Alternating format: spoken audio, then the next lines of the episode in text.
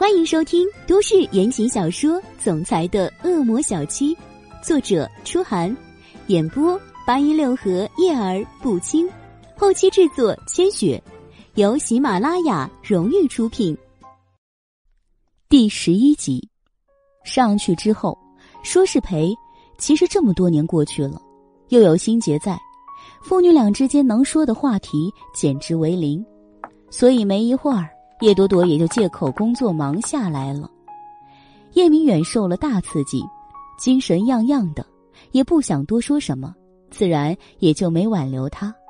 只不过临走的时候，他还是重复了那句让他搬回来的话。这一次，叶朵朵相信叶明远是真心想让他回来的。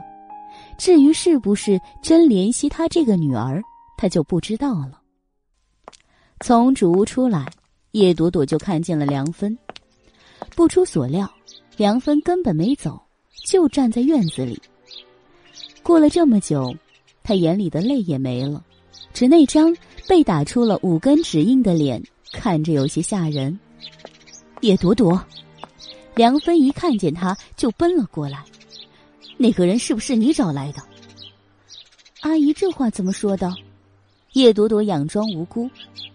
我是去过那家车行，可没找什么人来这里啊！阿姨不要冤枉我。不是你还有谁？怎么就那么巧？你来了，他就来了。还有，我哪欠他钱了？我明明……惊觉失言，梁芬闭了嘴。叶朵朵莞尔一笑，哼，明明什么？明明阿姨，你已经给过了钱是吗？你还说不是你？梁芬瞪大了眼睛。不是你，你怎么知道这么清楚？哼！叶朵朵无奈笑了一声，眉眼微微弯下，装出了一副我很无辜的样子，盯着梁芬。阿姨不用这样套我的话，你这话都说到了这里了，我还猜不出来，那我就是傻子。还有，你说我来他就来很巧，那真要是我找的他，我自己肯定不会来让你误会，你说是不是？被这话一噎，梁芬半边脸铁青，半边脸涨红，模样顿时有些狰狞。叶朵朵看看他，又说道：“好了，我还有事，不说了。阿姨和姐姐以后要有什么求医问药的事情，可以找我，我会给你们行个方便。你咒我呢？”梁芬又瞪眼，叶朵朵无辜的眨眨眼：“哪有啊？我是真心的。”我是医生嘛，只能给你们这些好处了。你，阿姨，我走了，再见。叶朵朵勾唇浅笑，包包一提，从他身边飘了过去。刚一出门，手机就响了，接起一看，叶朵朵的脸色就阳光灿烂了起来。亲爱的宝宝，想我啦？叫人宝宝，太 low 了，人家是顶天立地的男子汉了。叶子熙在那边哀嚎，叶朵朵听着，嘴快咧到耳根上去了。哼，知道了，宝宝。那边无话，又传来砰的一声，不知道叶子熙那个家伙一头倒到哪里去了。说吧，除了表达对我的思念之外，还有什么重要事情找我？不理会叶子熙的崩溃。叶朵朵问道：“那边很快就有了反应。有有大事，那个爷爷让我告诉你，今晚滨海那边有个慈善晚宴，你要替他去一下。”我操！师傅的触角用得着伸的这么长吗？他人在南半球，好不好？妈咪，注意素质。叶子熙弱弱的提醒一句，叶朵朵这才皱着眉，边走边问。那师傅有没有说为什么要去啊？什么慈善晚宴，他非得去啊？哦，爷爷说宴会的主人是他的老友，已经知道他的徒弟在滨海了。你不去不像话吧？嗯，行了，我知道了，不说这个了。说你，叶子熙同学，最近我不在，你的功课怎么样了？叶子熙自信飞扬的答着，说完又声恐他老妈在纠缠类似的问题，立即跟了一句：“妈咪，我什么时候能过去见见您老人家？我想你了。”儿子一声想他，叶朵朵的心真的软了一下。快了，快了，等我把这边的事安顿好，就接你过来。不过，你得给我保证，不许惹事，否则我……叶子熙不耐烦的打断：“我还没来，你就念叨我，是不是亲生的？”啊，我希望不是。叶朵朵撇撇嘴，正想着，叶子熙那边又惊天地泣鬼神的叫了一句：“哦，对了对了，还有一件事，妈咪，袁叔叔今天给我送来一个新电脑，我已经收下了。”知道我那个电脑速度超慢的，这下正好了，你自己看着办吧。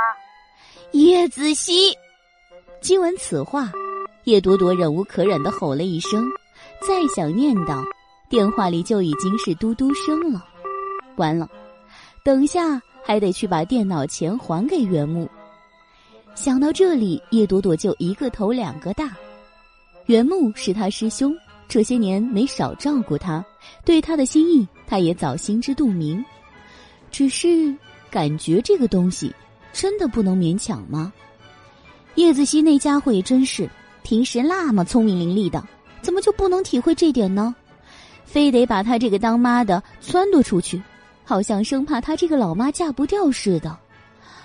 真是心累呀，内心吐槽不已。叶朵朵伸手挠了挠脑袋，捏着手机又打开了收件箱，查看了下刚刚叶子熙发来的晚宴地址。既然要代表师傅去参加晚宴，穿着打扮就不能太掉价。时间还早，叶朵朵就决定去血拼一番。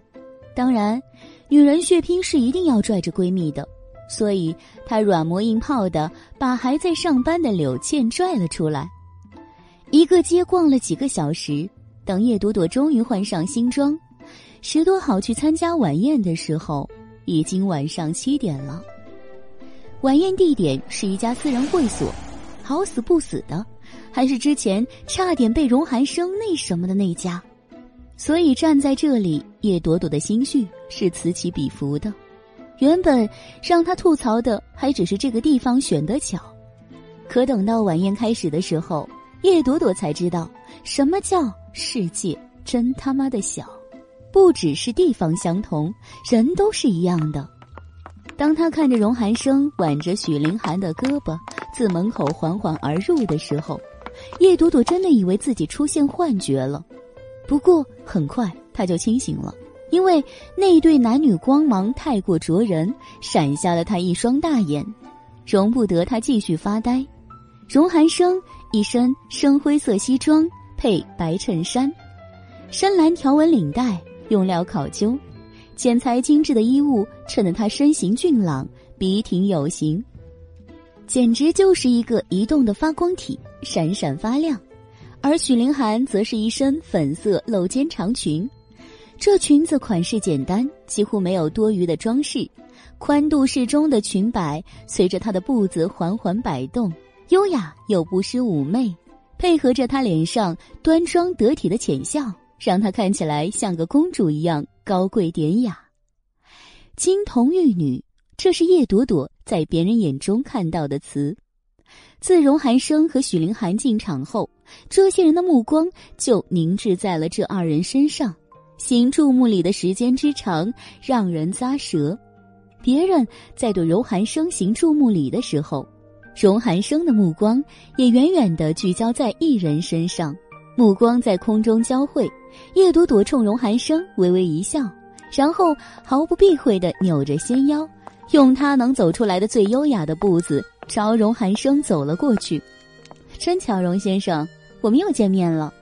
叶朵朵浅笑盈盈，杏仁般的眼眸中波光点点，透着真诚，又总隐藏不住的带着点俏皮。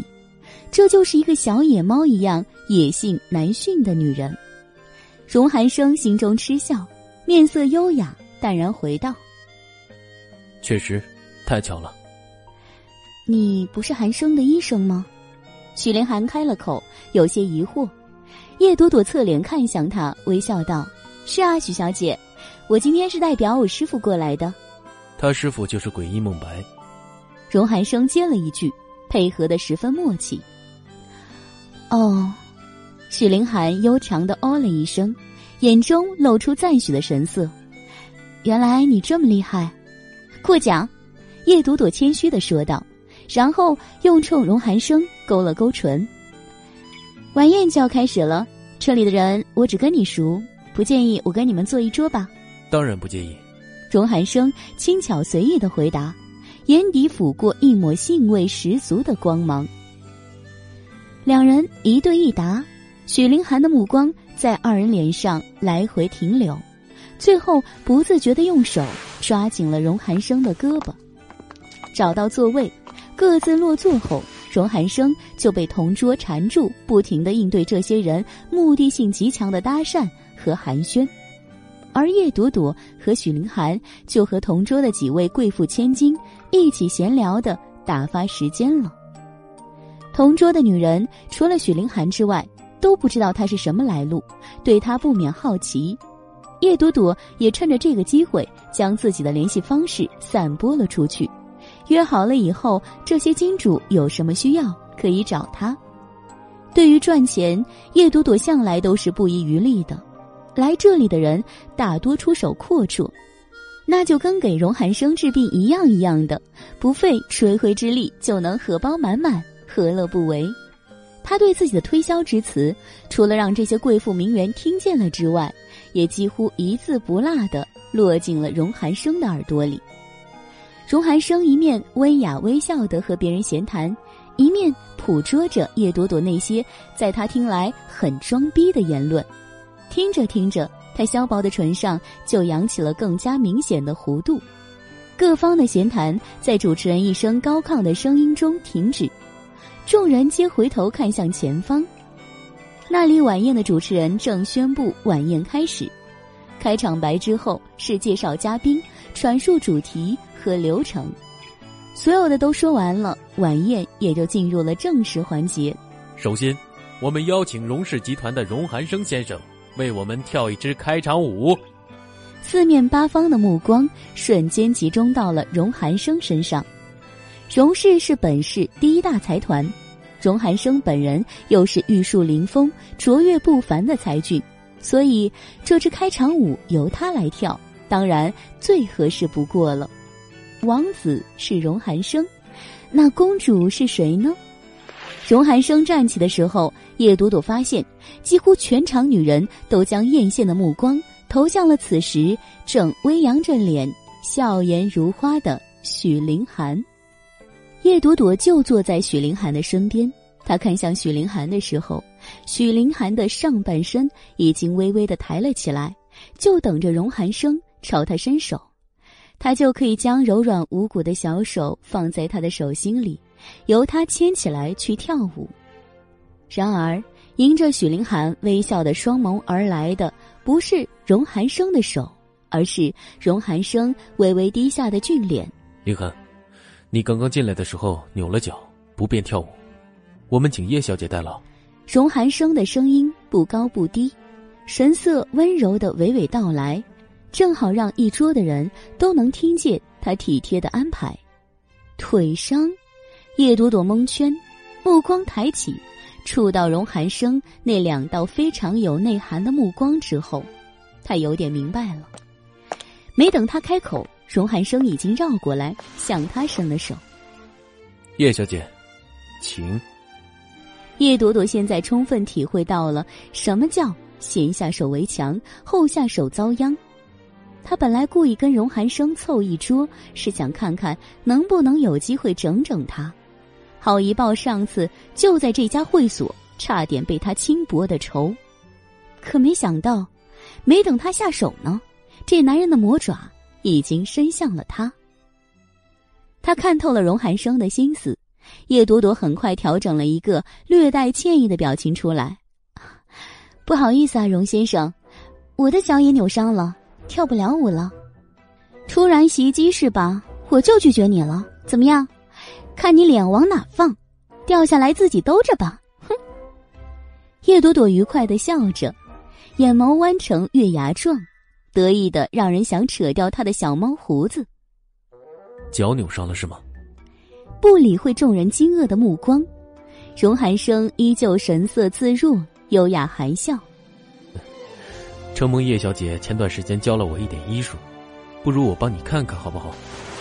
说完，众目睽睽之下，金贵如天神的他，竟然稍提了裤脚，蹲了下去。这一招让叶朵朵彻底的蒙圈了，她是千算万算都没想到荣寒生会在这样的场合不计较众人异样的目光，蹲下来捏他的脚，所以他呆成了一段木头。还没等他反应过来，荣寒生的手指就捏上了他的脚踝，不偏不倚，正是动脉血管上。他的右脚霎时一麻，顿觉得血流不畅。麻木感顺着腿部神经一直往上，不到两秒，叶朵朵的头皮都发麻了。四周响起浅浅的抽泣声时，荣寒生清冽干净又带着点点戏谑的声音由下而上传来：“哼，幸好不严重，按摩两下就行了。叶小姐现在感觉如何？”“感觉，感觉你妹呀！荣寒生，你轻点捏，痛死了。”叶朵朵咬着牙，心里愤怒的嘶吼，脸上却不得不勉强挤出笑容来。好多了，果然好多了。没想到荣先生还有这个本事。哪里，是叶小姐医术高超，我只学会了点皮毛，就能活学活用了。荣寒生从容对话，叶朵朵脸上的笑却装不下去了。这男人一定是练家子，很牛逼的那种练家子。天啊，他的小脚真的要断了！心中哀嚎了几声后，心里的小人对某人的淫威举了白旗。啊，荣先生，我现在果然好多了，跳舞是吗？没问题啊。闻言，荣寒生才终于松手站了起来。请，大手伸来。双眉肆意飞扬的挑起，笑容得意自信。会场中诡异的安静已经持续了多时。叶朵朵不想搞砸了这场慈善晚宴，被师傅念叨，最终屈服的伸出了小手，搁在了荣寒生的大手中，五指收紧，他的掌心灼热烫人。同样灼热烫人的，还有身旁许凌寒的目光。不到两分钟的时间里，许凌寒的目光一波三折，先是惊愕，后是微微不解，最后在叶朵朵起身的时候，变成了愤怒。叶朵朵能体会到他的愤怒，却挣不开荣寒生的手，无奈他只好被荣寒生牵到了场中央。荣寒生的手略微松开后，绕上了他的后背，掌心贴在他的背上。温度不减，论舞姿，叶朵朵是很有自信的。只是跳舞就跳舞，这死丫的贴那么紧干嘛？音乐响起，灯光暗下，几束温暖暧昧的暖光照向场中央的他们。舞步轻随了一阵，叶朵朵终于忍受不了荣寒生那条搂着她越来越紧的手臂，扬起脸，咬牙切齿的。瞪向了那个正神色优雅、舞姿翩翩的男人，荣寒生，你松开点，我快喘不过气了。这就喘不过气了，叶医生，你的心脏能力有点弱。荣寒生低眉浅笑，叶朵朵没有立即接话，微微眯起了水样的双眸，盯着他看了一会儿，才说道：“你是不是觉得，给了我一千万，到现在还肉疼，想整我？”不是，荣寒生答得干脆，说完就低了头，薄唇擦在了叶朵朵粉嫩的耳垂上。我不想整你，我想上你。男人魅惑力十足的嗓音似入耳的魔音，刺得叶朵朵一哆嗦。他身体微颤的功夫，荣寒生顺势干脆直接把他抱进了怀里。叶医生，你难道不要验证一下你的治疗成果？仿佛是为了配合他这句极有深意的话，楚寒生忍无可忍，叶朵朵本来准备冲口而出的一句是：“你这个混蛋。”但是话滚到了唇边，又被他硬生生压下，改成了：“没想到你还真是执着呢。”好啊，我也确实想验证一下。刚好，上次的事情我也想清楚了。哦，呵，荣寒生轻巧的走着舞步，薄唇浅漾，笑容十分迷人。你说的好像有点道理。叶朵朵内心已然平静，笑眼如花的说道：“我一个小女子，能做的事情太有限了。如果能有你的帮助，那就事半功倍了。所以呢，我决定了。”继续。荣寒生的目光落在叶朵朵脸上，最后聚焦在他那张粉嫩欲滴的唇上。浑身的血液不自觉的加速了运转。叶朵朵笑着，故意俏皮一眨眼。过两天我约你好不好？地皮的事，他已经想了个主意。荣寒生，哼，你等着接招吧。好。荣寒生依旧盯着那张樱桃小口，此刻他竟有些厌恶周遭的这些碍眼的人了。那就这么约好了。到时候，一定要接我电话哦！不见不散。荣寒生勾唇应道，抚在他后背的手缓缓下滑，最后停在了他的腰间，指尖轻轻下压，捏紧了他的腰。感谢您收听都市言情小说《总裁的恶魔小七》。欢迎收听都市言情小说《总裁的恶魔小七》，作者：初寒，演播：八一六和叶儿不轻，后期制作：千雪，由喜马拉雅荣誉出品。第十二集，魔人的开场舞终于结束。离开荣寒生那自带升压功能的怀抱时，叶朵朵悠长的舒了一口气。只不过令他心里无比吐槽的是，荣寒生不知道发什么神经，下场之后还一直牵着他的手，攥得极紧，他暗暗用力都拽不出来，就这样被他牵着，一直到回到座位前，荣寒生的手才松开。各自落座后，气氛比开舞前就多了几分诡异，众人对他多了好奇。许凌寒看向他的目光里，则多了几分探究和冷漠。在这一波涌动的暗流中，最淡定的那个，就是制造这场暗流的荣寒生。看着像个贵族一样优雅用餐的荣寒生，叶朵朵又一次感叹了基因的强大。难怪叶子熙那个才五岁的小东西，就能偶有惊天动地之举。感情是从这遗传来的强大心理素质，哦，不对，严格的说应该是皮厚。父子俩一个德行，搅出一场暴风骤雨来，他就愣是能装出此事与他无关的模样来，不服不行。整场晚宴伴随着叶朵朵的内心独白式吐槽结束，既是慈善晚宴，饭后就免不了有拍卖。捐赠这两个项目，叶朵朵只是替师傅孟白来参加，只领了命过来，没领钱来，所以这两个项目跟他无关。让他有些意外的是，拍卖和捐赠虽然都与他无关，可他却在拍卖这个环节里收到了一件礼物，一条水滴形的蓝宝石项链。荣寒生拍下来送给他。对于这个。荣寒生官方的解释是，感谢他之前对他的帮助。人多，他的话说的很隐晦，没有提隐疾的事。只是从主持人手里拿到项链之后，他的动作却丝毫都不隐晦。他竟然亲手将这个项链戴在了叶朵朵的脖子上。这个动作，别人怎么看叶朵朵不知，他只知道他自己。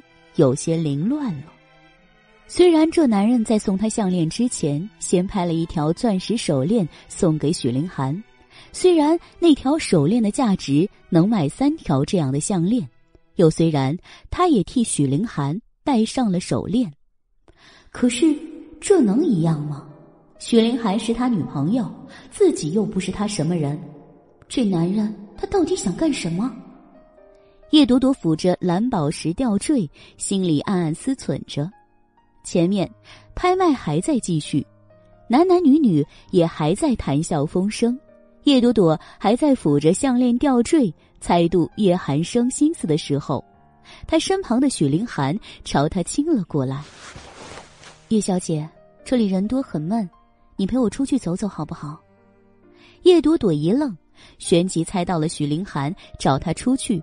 可能别有用意，他对荣寒生并没有什么多余的想法，也不畏惧许凌寒这位正牌女友，所以稍微犹豫两秒，叶朵朵就点了头。见他同意，许凌寒笑了笑，转身又低声对荣寒生说了两句，然后站了起来，看向叶朵朵：“我们走吧。”叶朵朵看了荣寒生一眼后。就跟着许凌寒出了会场，出了门，微凉的晚风轻轻一拂，叶朵朵觉得整个人都清爽多了。许凌寒的脚步一直没停，叶朵朵就跟着他信步往前走。会所是中式建筑，其中不少亭台假山。二人顺着鹅卵石小路一直往前，直到会场那边的喧嚣完全听不见。许凌寒才侧脸微笑的看向叶朵朵。叶小姐，你跟寒生好像关系挺不错的哦。这样的开场白，叶朵朵并不觉得意外，她也只是回以一笑，还行。他是我的病人，我们医患关系良好。哼，病人。许凌寒重复一声，低眉笑笑。据我所知，寒生其实没什么毛病，可他那段时间却把你留在家中治病。这，叶小姐，你懂我的意思吗？眼眸抬起，许凌寒笑得温婉动人，语气中丝毫听不出有任何质问的成分。但是人家没表现出来，不代表叶朵朵品不出来。心思一闪，叶朵朵便有些夸张的笑了两声，说道：“哼，哼，叶小姐，你不会误会了什么吧？我跟荣先生，我们真的只是简单的医患关系。只是，这层关系里还多了叶子熙这个小尾巴。”叶朵朵内心吐槽，脸上竭力笑得坦然。许凌寒停了一下脚步，站定。看了他两秒后，又继续缓步前行。之前是不是简单的关系，其实都不要紧，要紧的是以后。寒生的病嘛，我想应该也好了。那么叶小姐以后，也就不用再跟他接触了，是不是？没有需要，当然就不要接触了。但人吃五谷杂粮，难免有生病的。到时候，荣先生有什么需要，我也不能不去啊。叶朵朵没心没肺的笑着，假装听不出许凌寒话中那隐隐的告诫意味。许凌寒侧目看了他一眼，淡淡的抿唇。看叶小姐，也不像愚笨的人，怎么？我的意思难道表达的不够清楚？叶朵朵停了一下，看着许凌寒，远处的景观灯。遥遥投射过来的光影照在许凌寒脸上，让他脸上的薄笑多了几分朦胧。许小姐，这是要告诫我以后离荣先生远一点吗？不再装傻，叶朵朵挑明问道。许凌寒依旧笑着，只不过那眉宇间的光芒有些冷冽。我说了，叶小姐是聪明人，一点就透。这么说吧。我和韩生是从小就定了亲的，这几年我一直在国外念书，所以才耽误了婚事。韩生这个人，我很信任，只不过有些事，还是要小心一点好。叶小姐，你有喜欢的人吗？不知道他为何突然话锋转到了这里。叶朵朵愣了一下，随后扯了扯唇，摇了摇头。没有。闻言，许凌寒唇边的笑柔和了许多。等你有喜欢的人了，就会明白我的感觉了。爱情，都是自私的。请见谅我今晚的唐突。这话，叶朵朵愣怔了两秒，心中只觉得，眼前这个女人若不是真的真诚坦荡，凡事都爱挑在明处说，那就是心思极其深沉，懂得什么叫以退为进，占得先机。对方丢过来的话不好接，叶朵朵索性又装起了傻，只笑笑，没再多言。许凌寒也没再说什么。二人并肩沿着石子小路又走了一小段，他才似自我剖析般的说道：“我们两家是世交，荣家这一代没有女儿，伯母很喜欢我，待我就像亲生女儿。后来我爸爸调到上面任职，父母都过去了，要带我走。伯母舍不得我，非要我留在滨海。从那时候起，我就一直住在荣家。”要不是前几年，我执意出国学习我喜欢的专业，现在可能我和韩生的孩子都有了。说到这里，雪凌寒停下来，微低的脸露出甜蜜的笑容来。叶朵朵侧目看他一眼，心里很快的将他这一番话提炼出两个中心思想：第一，许凌寒想告诉他，荣寒生的母亲很喜欢他。早已视他为儿媳。第二，许家家世惊人，他的父亲是上面某位高官。刚刚是挑明，现在又来暗中告诫。这位许小姐对他的提防之心可真是不浅。就因为那支开场舞，加上脖子上这条泪滴项链吗？叶朵朵有些好笑的想着。不自觉的抬手摸了摸脖子上的微微凉的吊坠，这个动作本是无意识的，却偏巧落进了许凌寒的眼中。许凌寒眸色蓦然一沉，停了脚步。叶朵朵察觉身边的人不再往前走，也跟着停了下来。许凌寒那只手就伸向了他的脖子，捏起了那颗泪滴吊坠。这条项链很漂亮，很适合你，他轻笑着说道。叶朵朵低着目光看着许凌寒那只白皙的小手，心里极不舒坦。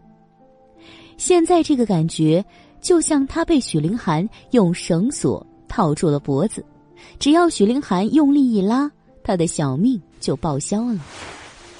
无法忍受，叶朵朵抬手。未加避讳的从许凌寒手里拽出了项链。荣先生是为了感谢我替他治病，才送我这条项链。许小姐不要误会，当然没有。许凌寒大度的笑了笑，收回手臂，自然垂在身侧。谈话谈到这里，许凌寒的意思叶朵朵已经完全领会了，同时也有些烦了。说来说去，不过就是怕他抢了荣寒生。不停的用话敲打他，给他施加压力。可问题来了，看到现在，他也没看到荣寒生对许凌寒有什么表示。别的不说，就说刚刚在会场里的那一幕，荣寒生要是真喜欢许凌寒，断然不会搞那么一出，不是吗？所以呢，这位许小姐，八成是单相思这么多年了。瞧着许凌寒。叶朵朵内心不由替他不值。说实在的，在他看来，荣寒生除了一张好皮囊之外，简直没有一点好处，人邪性的要命。跟他在一起的女人一定会短寿的。暗暗想着这些，见许凌寒没有再说什么的意思，叶朵朵便想借口告辞，他也懒得再回会场了。他们已经不知不觉的走到离会所大门不远的地方了，直接出去回城最好。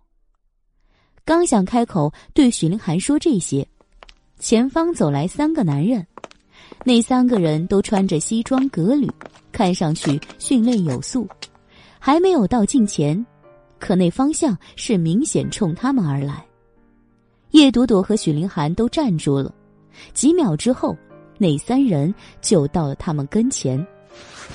三人站定，为首的一个男人便微微躬身，恭敬的说道：“许小姐，荣先生已经出来了，在外面车上等您，让我们来接你。”寒生已经出去了，许凌寒怔了一下，点头应道：“哦，那我们走吧。”随后，他便冲叶朵朵笑了笑：“叶小姐，寒生在等我，我先走了。”许小姐，请。叶朵朵一笑，原地停住，并没有跟上去。虽然他们其实是同路，都是出门，但是，他不能跟上去，因为那三个人有些不对劲儿。首先，他在荣寒生别墅住的时候，从没见过他身边有这三个人。其次，荣寒生的手下一般称呼他老大或者韩少，没听过叫他先生的。最后，最重要的一点，这三人中有两人的姿势有点奇怪，他们现在分别站在许凌寒的身边，贴得很近，其中一人右手还压在裤子口袋那里，仿佛随时准备掏出武器。他们这个样子，可不像来接人，而是像绑架。这两个字刚从叶朵朵的脑子里蹦出来。前面大概只走出去五米远距离的许凌寒突然停住了脚步，猛然回了头。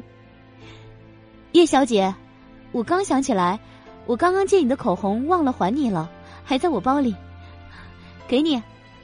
口红，叶朵朵顿时警觉，一定是许凌寒也觉察出了不对劲儿，所以找了个借口回来找他，想寻机逃走。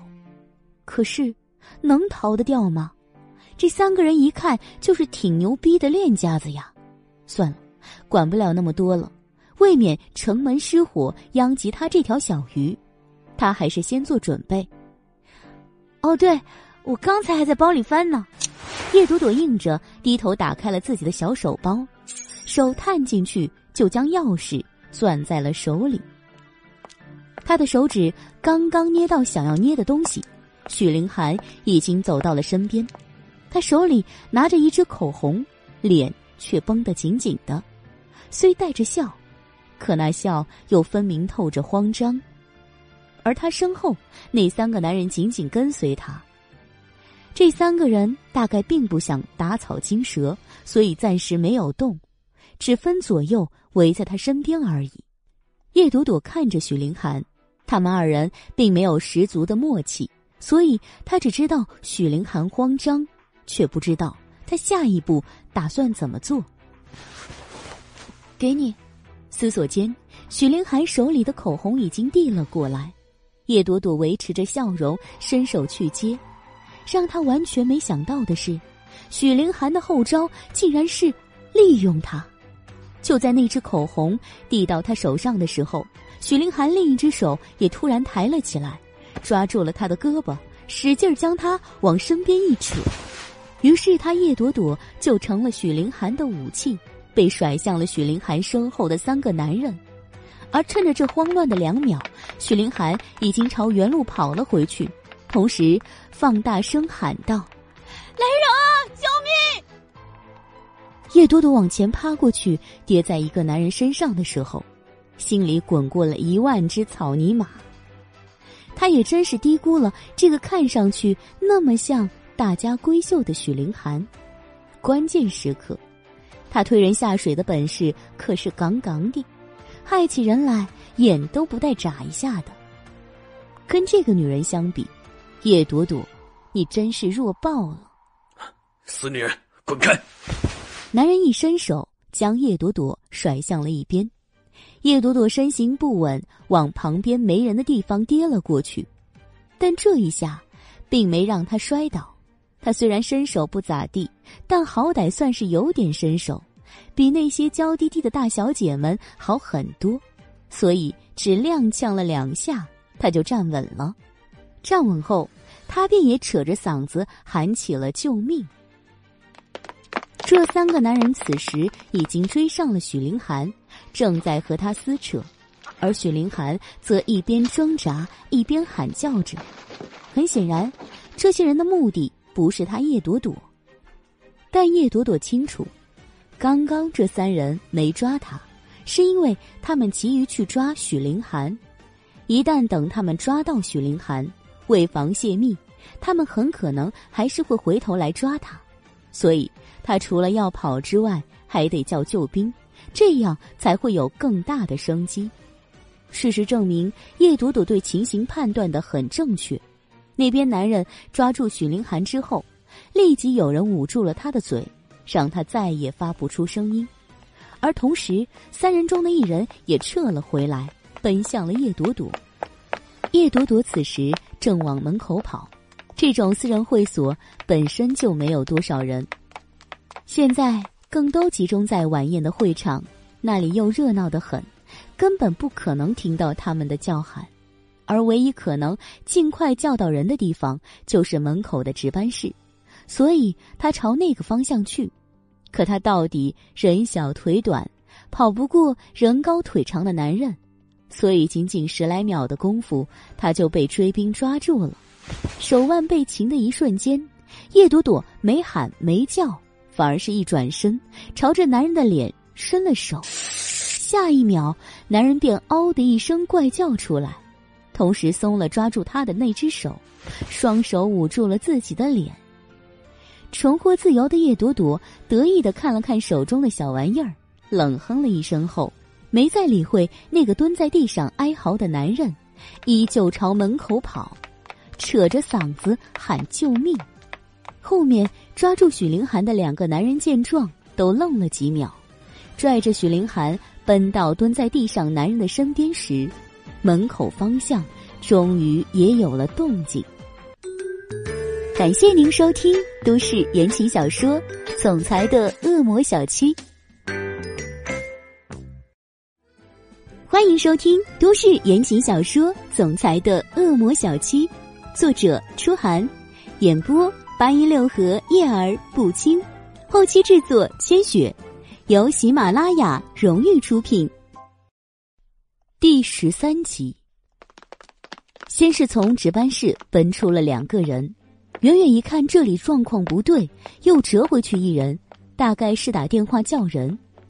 看到这里，叶朵朵松了一口气，攥紧了手里的防狼利器，没再跑。见情势大为不利。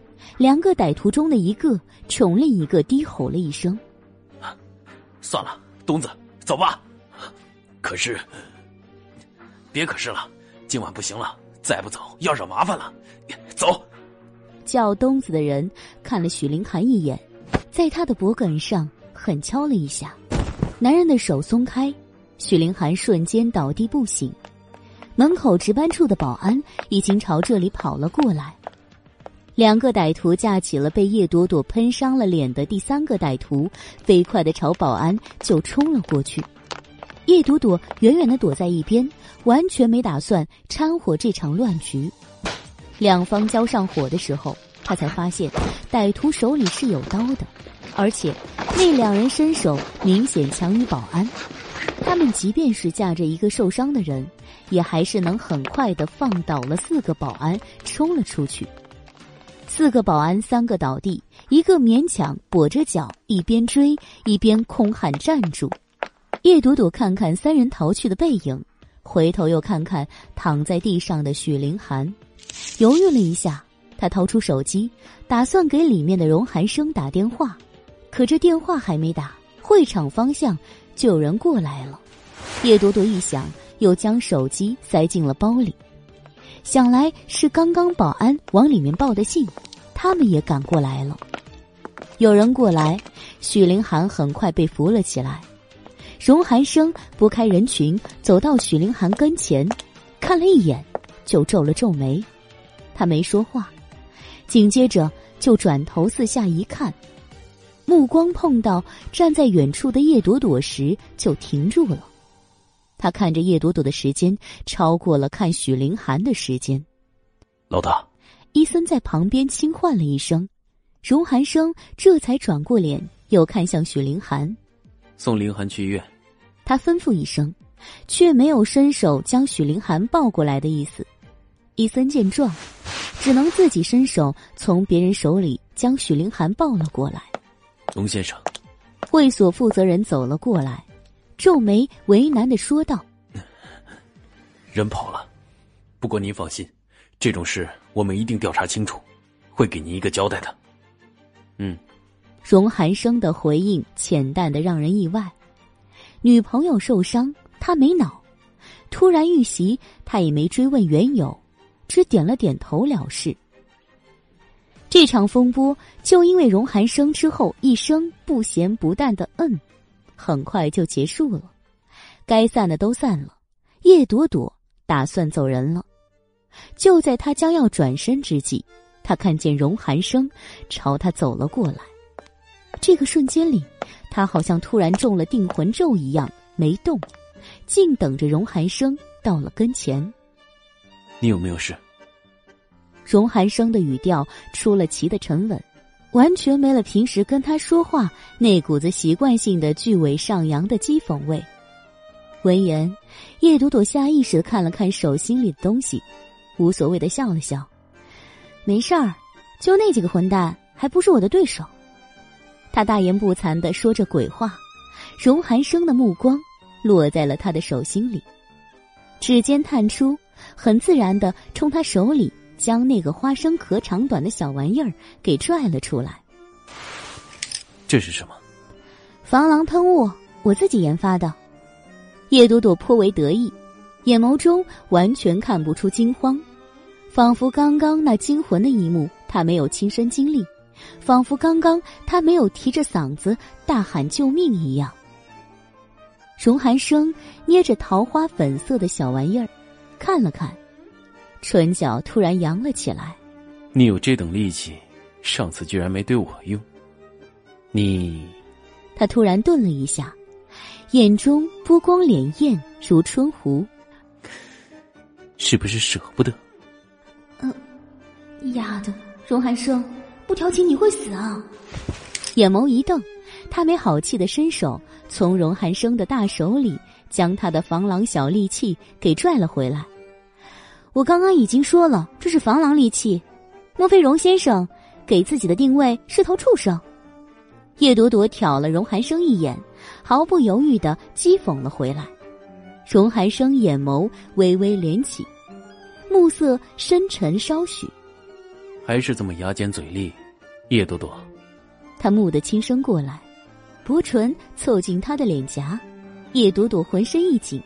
正想着他又会有什么惊人之语时，身后传来了伊森的喊声：“老大，不好了，出事了！”闻言，叶朵朵惊愕，回头就看见伊森神色慌张的跑过来：“老大，不好了！”他又重复了一遍。荣寒生沉了脸：“出了什么事？”伊森有些戒备的看了叶朵朵一眼，随后附在荣寒生耳边。小声的说了几句。叶朵朵听不清伊森说了什么，却看见荣寒生猛然的一皱眉，眼中闪过一丝不敢相信的神色。伊森说完，荣寒生看向叶朵朵：“你先回去吧，我有事要处理。天晚了，自己当心。”说完，他就迈步从他身边走了过去，没再多看他一眼。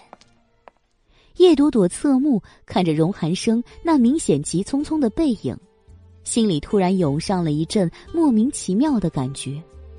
看不出来，这男人还挺关心她的。呸呸呸，什么关心？只是一句礼貌的叮嘱而已。难道就要对他改观了？哼，太不靠谱了！一边吐槽着自己，一边还在盯着荣寒生匆匆离去的背影看。看了一会儿。叶朵朵跟了上去，谁让好奇真的能害死猫呢？乔伊森那大祸临头的样子，他真的很好奇，到底出了什么大事。这么想着，叶朵朵干脆就甩开了小短腿，对前方那两条大长腿追了过去。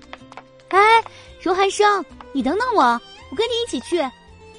他这么喊了一声，荣寒生闻声停步，转过身来，莫名其妙的盯着他。你还想干什么？这语气有点冷，他的目光更隐隐透着冷冽和警告，仿佛在告诫他不要多事，更不要惹事。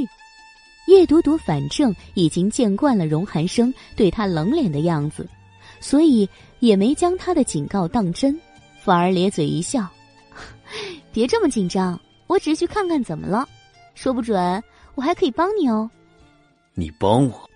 荣寒生用看外星人一样的眼神看着他，叶朵朵随即撇撇嘴：“别瞧不起人，我可是诡异的弟子，你的病是我治好的。”这种火快要烧到眉毛的时候，还提那个令男人蒙羞的隐疾，明显是相当不合适的。因此，叶朵朵毫不意外的看着荣寒生的脸拉长了一倍。不只是脸拉长，荣寒生的脾气也上来了，甩步就走，似乎一秒都不想再搭理这个总当面提他影集那点事儿的女人。出了会所。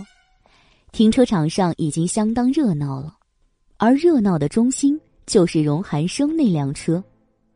叶朵朵抬眼一瞄，心里还疑了一声：到底出了什么大事？警察叔叔都来了，其中还有一个警察牵了一条看上去就凶神恶煞的大狼狗，目光朝那狗眼上一对，叶朵朵脑子里飞快的蹦出了三个字：缉毒犬。这男人不会吸毒被挖了出来吧？叶朵朵的眼睛慌忙朝荣寒生看去，先是吓一跳，后来定定神一想也不对，他之前给荣寒生测过血，他可没有吸毒的现象，所以，他应该是想多了。暗暗拍了拍小胸脯，叶朵朵慌忙跟上了荣寒生的步子，打算撵紧他，看看究竟是怎么回事儿。三人很快挤进了风暴中心，站在车前，荣寒生的脸色黑得跟他的车差不多一个色。怎么回事？见他来，周遭的喧嚣立即静下来，所有目光的焦点都在荣寒生身上。正主到来，一个看上去像是领队的警察走上前来。你是这辆车的车主？是。荣寒生冰冷回应。他身形笔直，气息凛冽，周身都散发一种摄人的气场。说话的警察盯着他看了看，又刻意的挺了挺腰杆，仰坐大义凛然状的说道：“有人举报你这车里藏毒，请你开车配合查检。”一听“藏毒”两个字，叶朵朵的小心肝咯噔了一下，同时周围也炸了锅。看热闹的人纷纷交头接耳，议论声一浪高过一浪。今天来这里的大多数都是城中有头有脸的人物，不管此事真假，这事儿传出去，荣寒生的名声就完了。叶朵朵看向荣寒生，细长的眉微微皱了起来，大脑开始了急速的运转。警察已经提了要求，旁边又有这么多双眼睛盯着。荣寒生当然只能开车。沉默了一会儿，他看了伊森一眼，伊森会意掏出钥匙解了锁。吧嗒一声过后，四个车门连带着后备箱都被警察迅速的打开，然后那条威风凛凛的缉毒犬就扑了上去，一个门一个门的钻，吊着鲜红的舌头，这舔舔那嗅嗅。到处搜寻着他的目标，一平方里内气压都在不断攀升，没人说话，所有人都在伸头探脑的盯着那条狗看。叶朵朵此时也攥紧了小拳头，没看荣寒生什么反应，目光也追随着那条褐毛缉毒犬。驾驶座没有，后座没有，后备箱也没有。绕过来，一直查到副驾驶的时候，问题来了。那条狗爬上去，足足有三分钟时间没下来。三分钟后，牵着他的警察朝队友一招手，另几个警察就围了上去。几个人挤在副驾驶门口，嘀嘀咕咕的，不知道说了些什么。为首的那个就看向了荣寒生。我们怀疑这座椅下面有毒品，现在要拆掉这个座椅。这一声告知，又似石破天惊。荣寒生顿时又成了目光的焦点。叶朵朵下意识的看了他一眼，只觉得他神色晦暗冷静，看不出他心里到底在想什么。荣寒生没说话，只朝那边走过去。叶朵朵深吸了一口气，也跟在了后面。人群随着荣寒生一起移动到副驾驶一侧，里三层外三层的都在盯着荣寒生。他们有的惊愕，有的好奇，有的干脆就是一副看热闹的表情，好像在等着看荣寒生这位滨海城最权贵的豪门公子今天要怎么解这个局。林队的警察还没等荣寒生走到跟前，就下令队员开始拆座椅了。事情到了这个地步，这座椅是不拆也得拆了。这么多人看着。荣寒生但凡有一点阻挠的举动，都会被认为是心虚的表现。到那时候，有没有毒品都不重要了，重要的是，别人已经认为他藏毒了。所以，荣寒生此时应该除了愤怒之外，就是无奈了吧？叶朵朵内心揣测着，不时的抬眼瞄向荣寒生，被他这样的目光看了一会儿。荣寒生突然低头看向他，你也认为我吸毒？叶朵朵一怔，旋即略讥讽的勾了勾唇瓣。我认为不认为都没用，我敢肯定，座椅下面一定有你的罪证。闻言，荣寒生眸色深邃，盯着他看了一会儿，却没再多言。十来分钟以后，上半身钻进车厢里忙碌的几人中。终于有一个人爆发出一声兴奋的惊呼：“啊，找到了！”荣寒生的罪证毫不意外的出现在众人眼中。那个队员从座椅下面掏了一把，掏出来两小包东西后，喜滋滋的捧了出来。领队从他手里接过那两小包东西，拿了其中一小包白色粉末，递到了缉毒犬鼻子下面。那狗立即嗷嗷的狂吠了两声，得到了这样的确定之后，领队直起了身，将掌心递到荣寒生面前。我们现在有证据指控你涉毒，请跟我们走一趟。一小包白色粉末比男人的掌心还小很多，只比大拇指指甲盖大那么一丢丢，托在领队的手上，除了近前的人能看清。后面的人根本看不到他手心里是什么，以至于后面很多人垫着脚、伸着头也要往这里看。荣寒生低眉冷冷看了一眼就在自己鼻尖之下的罪证，沉默了几秒，才说道：“不是我的，不是他的。”叶朵朵也知道这东西不是他的。他要是真这么笨，把罪证藏车座下面。恐怕都要被人害死八百回了，可关键是，这时候说这种话，他不觉得很无力吗？不过也是，现在可是人赃并获呀，他不这么说，又能怎么说呢？说多了，眼下就闹开，影响更坏。几秒钟时间，叶朵朵的心思百折千回，想了很多，最后他把目光聚焦在荣寒生脸上。不由得替他暗暗着急，虽然无用，可他也不能说了那么一句之后就不吭声了呀。那不是明摆着只能掉进别人挖的陷阱里去吗？叶朵朵在暗中着急，就在他身边的荣寒生却是真的没再替自己辩驳什么了。警察领队听他说了声不是他的之后，瞅了那包白色粉末一眼后。就冷冷的一笑，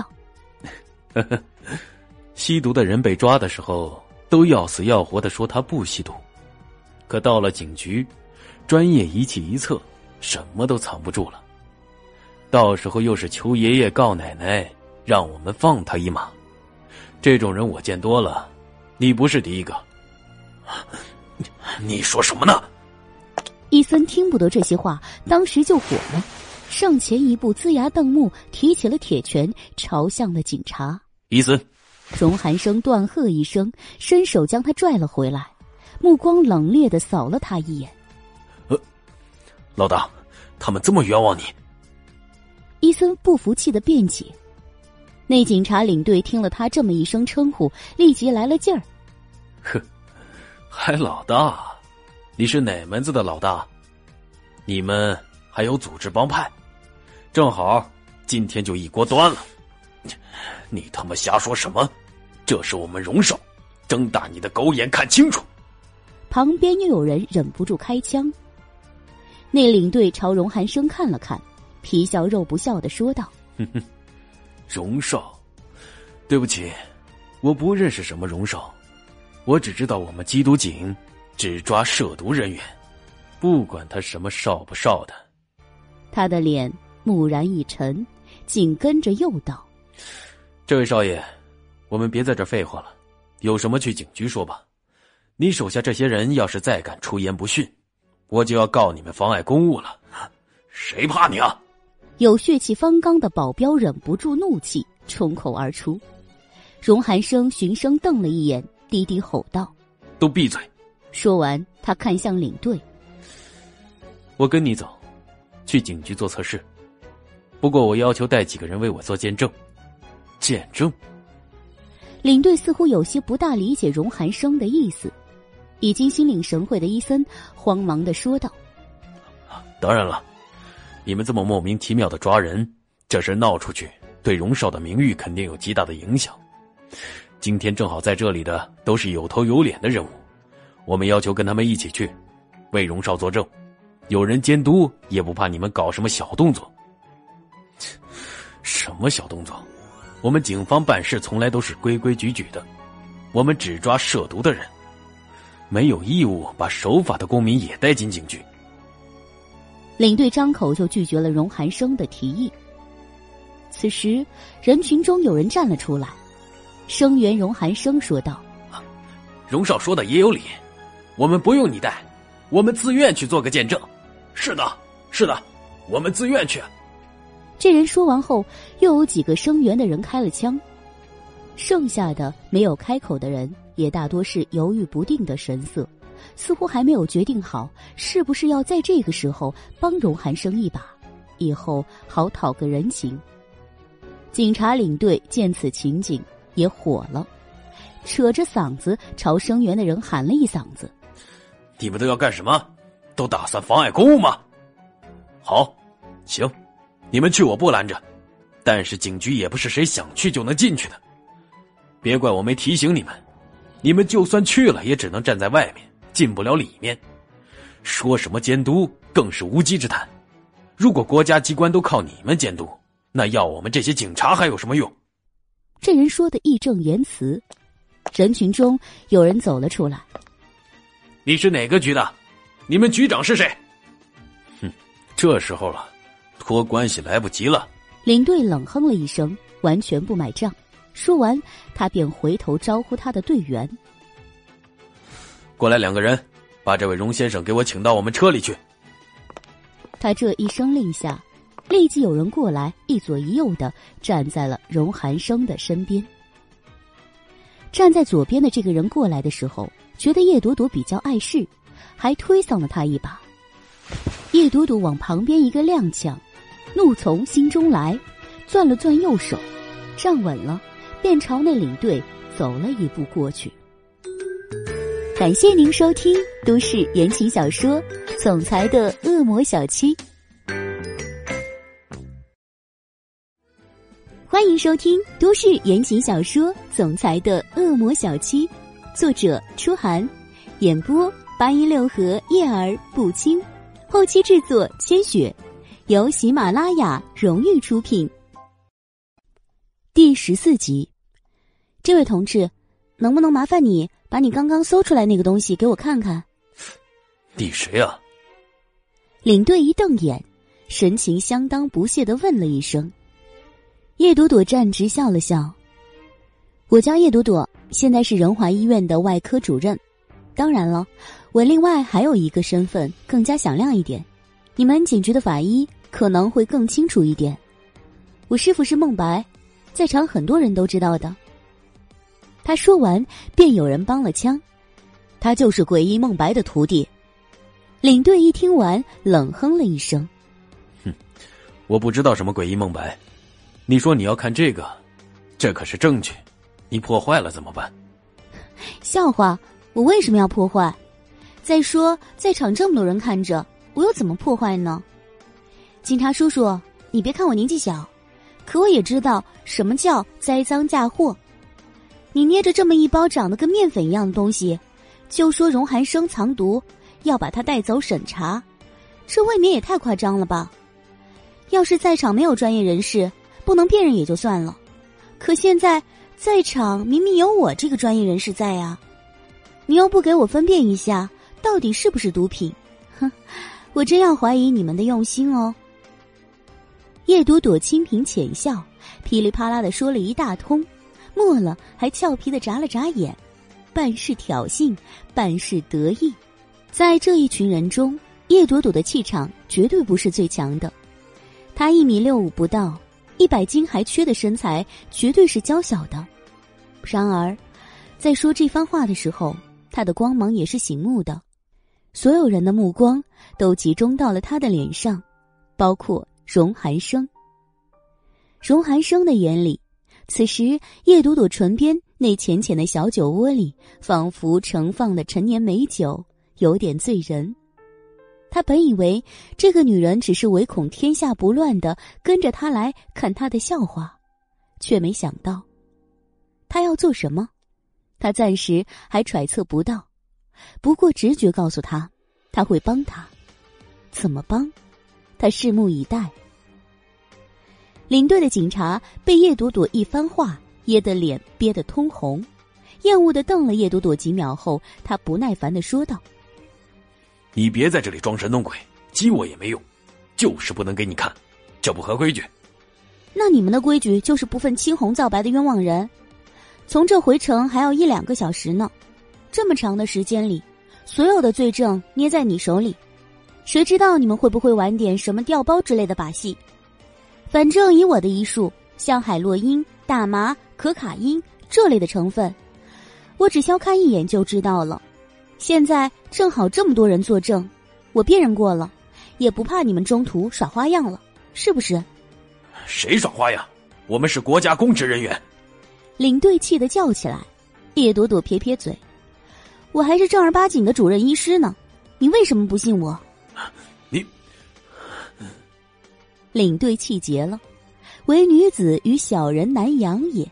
他今天真是领教到了，这女人太他妈的难缠。他的心理活动很快就反映到了脸上，懒得再跟叶朵朵费口舌，他直接伸手推了叶朵朵一把。让开！你再在这里胡搅蛮缠，我告你妨碍公务。叶朵朵往旁边一歪的时候，荣寒生适时的伸手托住了他的腰。等他站稳了，荣寒生才收回手，眉峰冷冽的看向领队：“要告谁妨碍公务，你尽管去告，我奉陪到底。”叶小姐只是提了一个公允的建议，今天你要是不答应，我不会跟你走。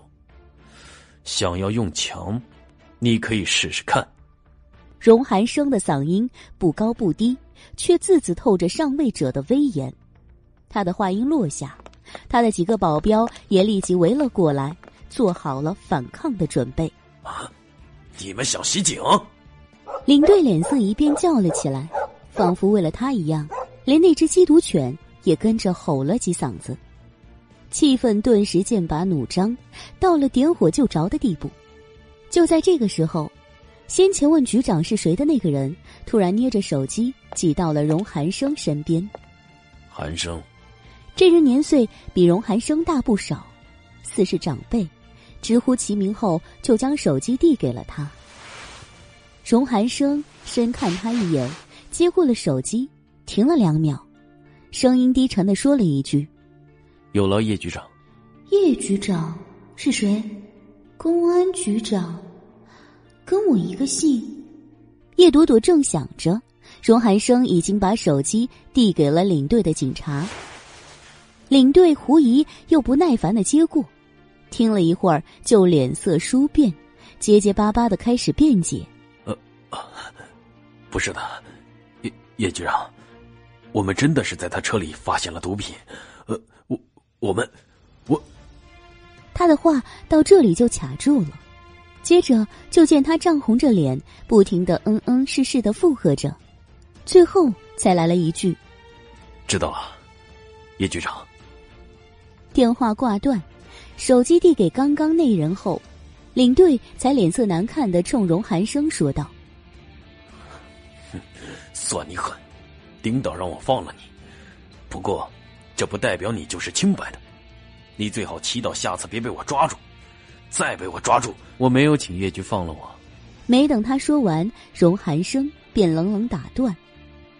随即，他冷然一笑，镇定自若说道。涉毒的罪名不小，今天事情没弄清楚之前，我不会不清不白的离开这里。我只是想请警察同志允许叶小姐查验一下那包里的东西而已。查清楚了，该怎么样还是怎么样，我可以跟你回去配合调查。他这么一说，领队反倒愣了。不等他回神，叶朵朵上前一把抓起了他的手腕，小手一根根的将他的手指掰开。说道：“我说，警察同志，荣先生都这么通融大度了，你怎么还那么死心眼儿呢？你让大伙评评理，从开始到现在，荣先生态度是不是一直都很配合的？提的要求也一直都是有理有据的吧？我们可都是良民，要真是逼急了，生出乱子来，那也是你这个榆木脑袋闯的祸。你被一个小丫头这样讥讽。”领队气得不轻。叶朵朵此时已经将那包白色粉末从他手里抠了出来，就懒得再理会他，朝他笑了笑之后，用指甲戳开了塑料包。周遭的气氛又在一瞬间凝滞下来，就连这个警察领队也没再说什么，只瞪眼瞧着叶朵朵。叶朵朵先是捻起一些粉末放在鼻尖下嗅了嗅。随后又用手指沾了一点，凑到唇边，伸出舌头尝了尝。这个动作让人倒抽了一口凉气，尤其是荣寒生。此刻他更是深锁了眉头，目光盯着那点嫣红的舌头，十分的不认同他这样涉险。闻过了也尝过了，在众人屏住呼吸的等待中。叶朵朵突然略显放肆的笑了两声，呵，呵呵，真逗。四周接近的气氛中，他的笑声显得极其的突兀和刺耳。众人面面相觑，不知道他搞什么。那领队怔了一下，也不耐烦的拉长了脸：“你笑什么？验你也验过了，什么结果你敢直说吗？”他自己有十多年的缉毒经验。带来的又是队里最好的缉毒犬，那包粉末是毒品，不会有错的。心里这么一想，领队也来了底气，瞪圆了双眼看着叶朵朵，仿佛下一秒就打算对他进行正义的审判。叶朵朵没有理会他，反而捏着那包粉末看向了荣寒生，脸色看上去很严肃的对他说：“荣先生。”你也确实太大意了，这种东西你怎么随身携带？难道我之前对你的叮嘱，你一点儿没听进去吗？这样做对你的身体是非常有害的。他红口白牙，张口就来，众人听着莫名其妙。荣寒生也微微的收起了双眉，眸色探究的看着眼前那张神色镇定、仿佛成竹在胸的小女人。荣寒生内心里其实对叶朵朵到底要唱哪一出戏一点都没有底，所以更加不知道该怎么接他的话。第一次，他竟有了一种无措的感觉，被一个小女人牵引着，竟然完全跟不上他的步调。荣寒生心中不由无奈的嗤笑自己。想了想，他只能调整脸部表情，配合的说了一声：“。”对不起，叶医生，我太忙了，可能忘了你的话。忙是借口吗？叶朵朵故意拉下了脸，摆出一副老师教训不听话的小学生的模样，继续说道：“你患的是神经性头痛，我给你配的这种药，是给你头痛病发作的时候缓解疼痛用的。你现在把它带在身上，说明了什么？说明你把它当成了常规药物，头痛的时候就用一些。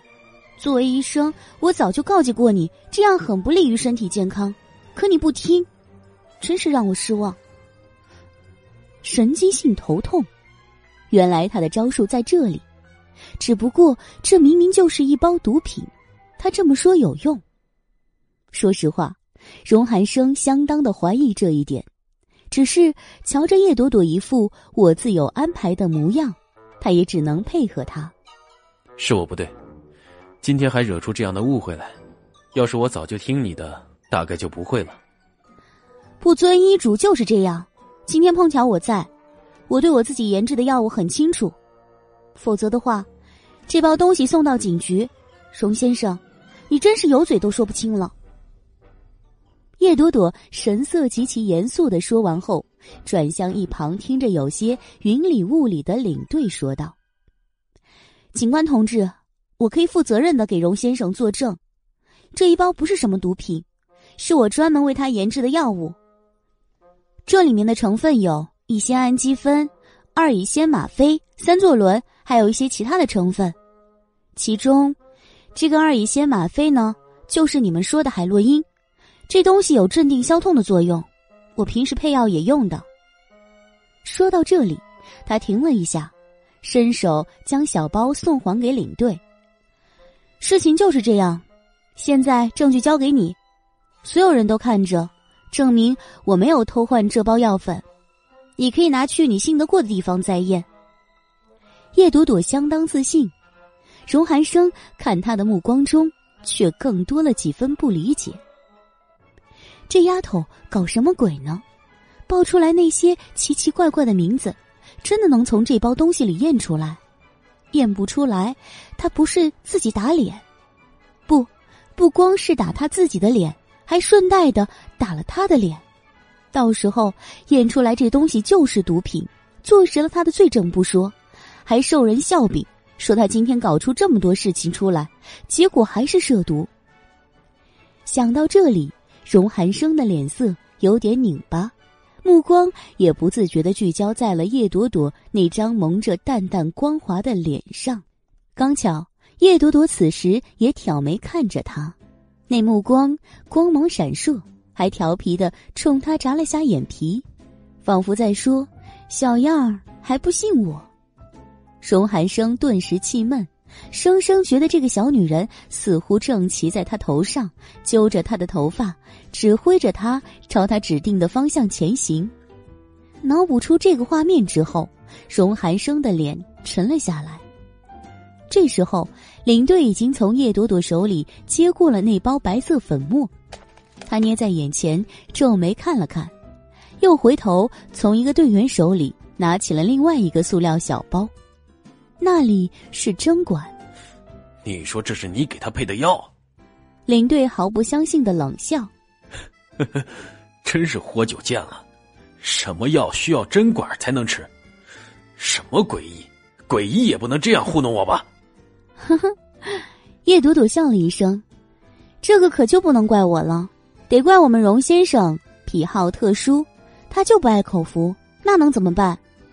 我只好配这种水溶性的东西，让他自由发挥喽。哪知他这么不省心，搞出误会，还惊动了警察叔叔，麻烦你们跑一趟了。叶朵朵笑得甜美，荣寒生却在听见“不省心”三个字的时候，脸。又黑了八度，思绪一转，他沉声开口：“行了，警察同志，叶小姐已经帮我做过证了，我知道这并不能让你采信，没关系，我现在就跟你回警局再验，走吧，不要耽误时间了。”呃，老大，伊森闻言惊了一下，慌忙出口阻拦。崇寒生冷冷扫了他一眼：“我行得正，坐得端。”没什么好怕的，弄清楚还我清白也好。事情到这里，领队的警察正巴不得赶紧走，所以听了这话，立即就顺杆子做了个手势，说道：“荣先生，请吧。”荣寒生没说话，按照他的手势上了警局的警车，而同时，刚刚打电话给局长的那个人也出面组织了几个有分量的人，自己开车跟了上来，要为荣寒生做见证。领队亲自给荣寒生开了车门，荣寒生现身的时候，叶朵朵也挤了过来。我也要去，我倒是要看看这些人能把我的配方药验出个什么花样来。他自己嘟囔着，不由分说的把荣寒生往里面一推，自己就挤了进去，根本没看领队铁青的脸。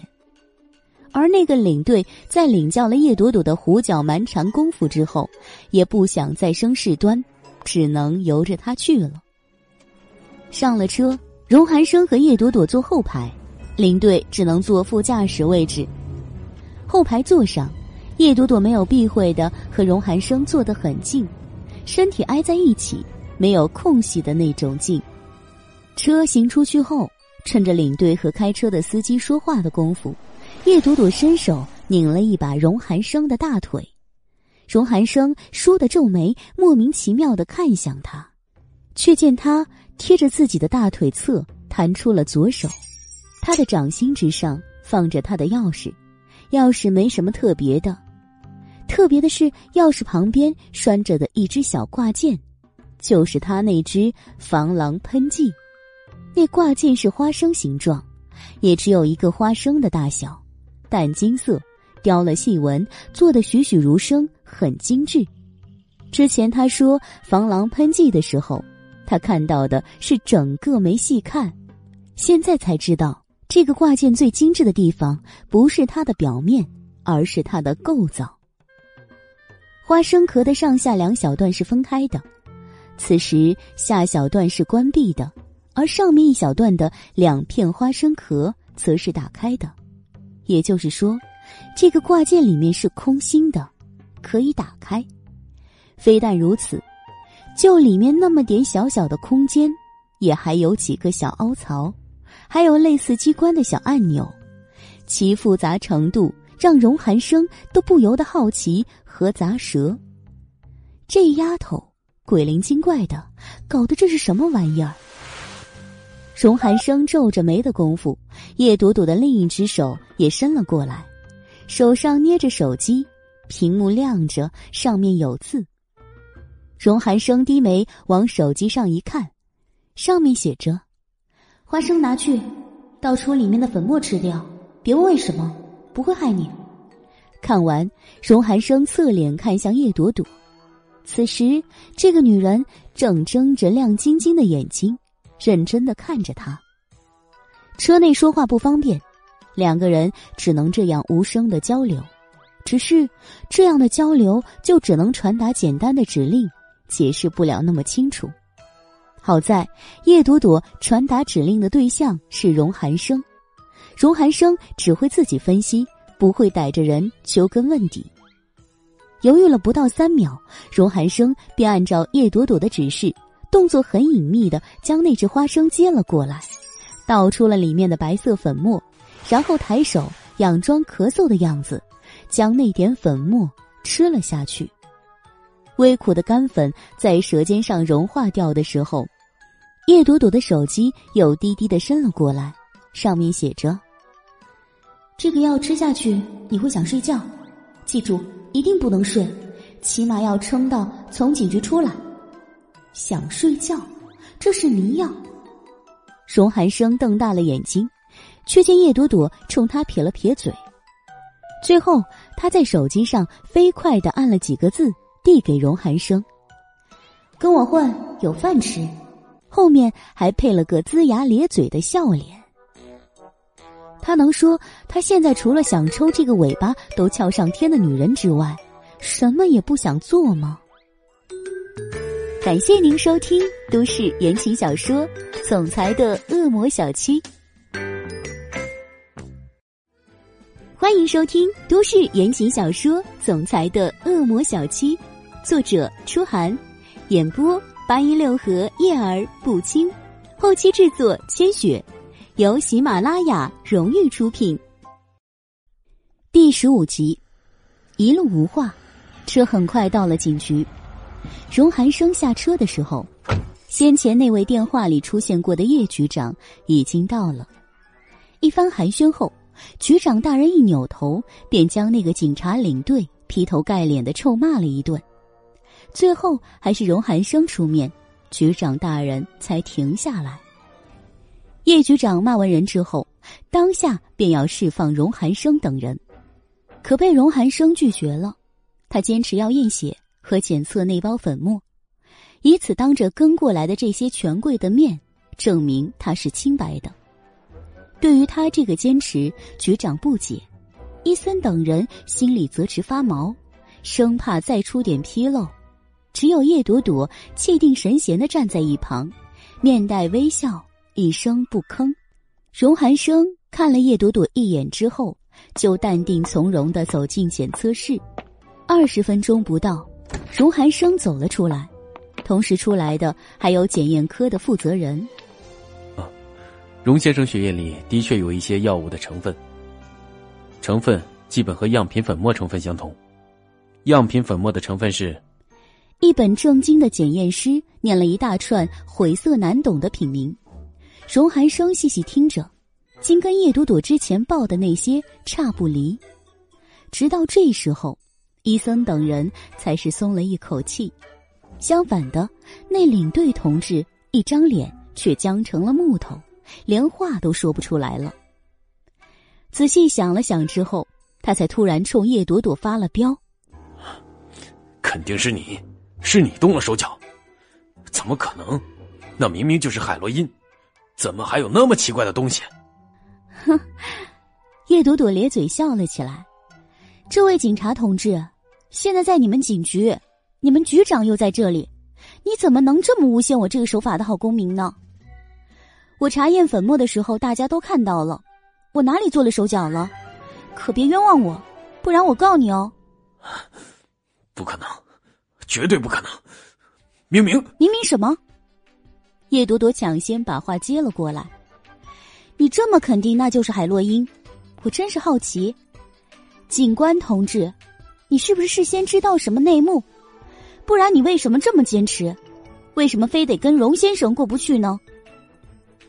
叶朵朵眸色倏然犀利，盯着那警察，警察脸色一僵。眼神中竟似有慌乱闪过，哼！叶朵朵一声冷笑，瞧这样子，还真有见不得人的内幕哦，真是可怜了荣先生，也不知道得罪了谁，莫名其妙的躺枪。你呀，转向荣寒生，他很善心的建议道：“我建议你去烧烧高香，以后看准点儿，别再得罪那些小鬼了。”哼，一定。荣寒生勾了勾唇，浅笑自若，目光中亦暗藏着几丝赞赏。跟着来的几人听话听到这里，又瞅了瞅脸已经涨成猪肝色的领队，心里已经有了计较。有人上前对叶局长严肃的说道：“叶局，今天这事儿我们都看见了，事情到了这一步，寒生那肯定是被冤枉的了。”你们警局内部恐怕也不干净，这点还请叶局长早点处理，好给韩生一个交代。不然的话，这事对韩生、对整个荣家会造成什么影响，你也清楚。处理的不好，事态扩大了，恐怕你也不好交代啊。闻言，叶局长脸色也难看了。他只是一个市局局长，荣家这样的豪门权贵，他是得罪不起的。更何况。没事儿，好端端的，他去得罪他干嘛？闲得慌吗？越想越气，他又扭头将闯祸的领队打骂了一顿。荣寒生懒得听他训斥下属，便淡淡的说道：“那么叶局，如果没事了，我就先回去了，可以吗？啊，可以，可以，当然可以。”叶局忙说，随后亲自将一众人送出了警局。末了，还跟荣寒生表示，他一定会好好调查这件事，给他一个交代。荣寒生淡淡点头，说了句谢谢，随后又谢过陪他同来的几人，面面俱到的都谢完了，他才坐上车离开警局。跟来的时候一样，叶朵朵当然也挤在了荣寒生的车里。上了车，他便一拍手，大呼了一声：“啊，终于出来了！这一晚上可把我累死了。”闻言，刚把车发动的伊森实在忍不住扭过了头。叶小姐，这到底怎么回事啊？我到现在还在云里雾里的，你真给老大配了那些药？不是，这是我怎么不知道啊？一听这话，叶朵朵并冲他翻了个白眼：“你还能再笨点吗？”伊森愣住，直接懵逼状。叶朵朵往后座一靠，不无讥诮的说道：“做戏呀，你看不出来？幸好你主子没你这么笨，不然都要露馅了，还演个屁！”闻言，荣寒生眉心不由得一跳，扭头嫌弃的睨了某个粗俗的女人一眼。话是粗了点，不过伊森还在想着这事儿的来龙去脉，所以也没计较他这粗俗。头转过去开了一会儿，他又忍不住看了车内后视镜一眼，说道：“叶小姐，你说说吧，我真是好奇死了。那些肯定是白粉没错，可怎么就变成你说的那些东西了？这戏是怎么演的？”一向跟他主子一样冷面的伊森，已然化身成了好奇宝宝。叶朵朵瞅了他的后脑勺一眼。又看了看同在后座沉默不语的荣寒生一眼，便朝荣寒生努了努嘴：“喂，你还能撑得住吧？麻烦你解释一下给你的手下听行吗？我累了，不想说话。”荣寒生也靠在后座，神色慵懒，眉宇间凝着倦意，仿佛他真的快撑不住要睡过去了。听了叶朵朵这话后。他侧了脸，盯着叶朵朵的小脸看了一阵，随后说道：“抱歉，我说不了，因为我也不知道。”啊！伊森惊天地泣鬼神的叫了一声，太过惊讶的他握着方向盘的手都跟着抖了一下，车子也随着打了个飘。叶朵朵身子随着车身一歪，随后没好气的瞪了伊森一眼：“专心开车。”我可不想惊动了缉毒警之后，再惊动交警叔叔。呃呃，不好意思啊，叶小姐，我实在是太想知道了。伊森对叶朵朵的感觉已完全由最初的不屑变成了现在的崇拜。且不说他跟自家老大这种顺畅自足的互动很不容易，就说他今天这番表现，那真是……伊森心里堆砌起各种赞美之词。见叶朵朵还不开口，又不死心的跟了一句：“叶小姐，你就说说呗，以后我们也学学，再有这样的事情也好应付。”你学？叶朵朵撇嘴：“你可学不来，看到没？这是什么？”闻言，伊森慌忙扭头，只见叶朵朵微倾身体向他晃荡着右手，手，挺漂亮的手。伊森心里补了一句。没敢说出口，叶朵朵把手往他面前伸了伸，恨铁不成钢的又说道：“看仔细，看仔细了也还是手啊，连个戒指都没有。叶小姐你也太节省了，怎么连个戒指都没有？”听伊森这么说，叶朵朵算是放弃他了，手臂收回，一下子又靠在了后座上。啊，跟你这种观察力的人，真的没法沟通。算了，我真的累了，麻烦送我回家，谢谢。说完，他就闭了眼睛，一副不打算再多说的样子。被讥讽的伊森还在想着那只手的事，头扭过去开着车，也没吭声。沉默了几秒，荣寒生突然盯着叶朵朵已然神色安然入睡的脸，说了一句：“你把迷药藏在了指甲里。”趁着检查毒品的时候，把迷药掺了进去。闻言，叶朵朵睁眼，咧嘴一笑，哼，聪明。啊！伊森又是一声惊叫，扭头看了叶朵朵一眼，呆了半天，转过去时才说道：“这也行？天哪！他们检验的时候没觉得不对吗？指甲里能藏多少白粉？这样冒充老大的药，成分比例也说不过去啊！”嗯，荣寒生，我无语了。下次请给你的手下报个智力提高班先。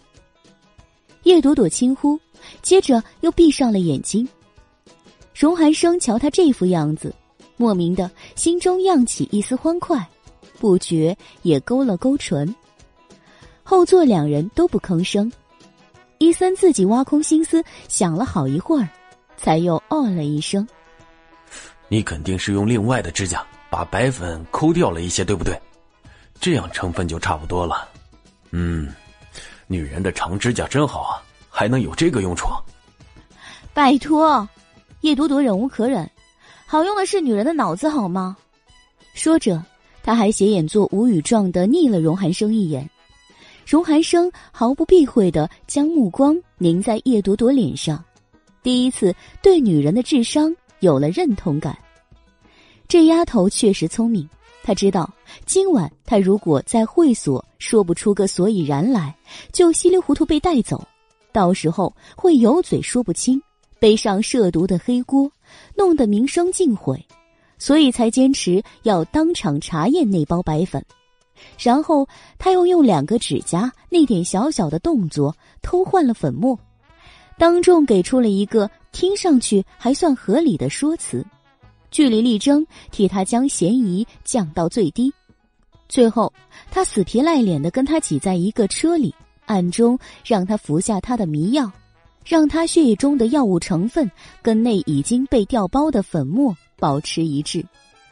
做了这些事情之后。最终的结果就是，他血液中的成分跟那包白粉一样，坐实他之前给出的说辞，当众洗清了他的嫌疑。这样一来，他自始至终都显得光明磊落。即便有什么不好的消息传出去，今晚这些看到全过程的人也会把对他有利的消息透露出去，替他申辩。再加上他自己使点手段，这件事很容易就能压下去。这小丫头，每一步都安排的严丝合缝、环环相扣，让人不服不行。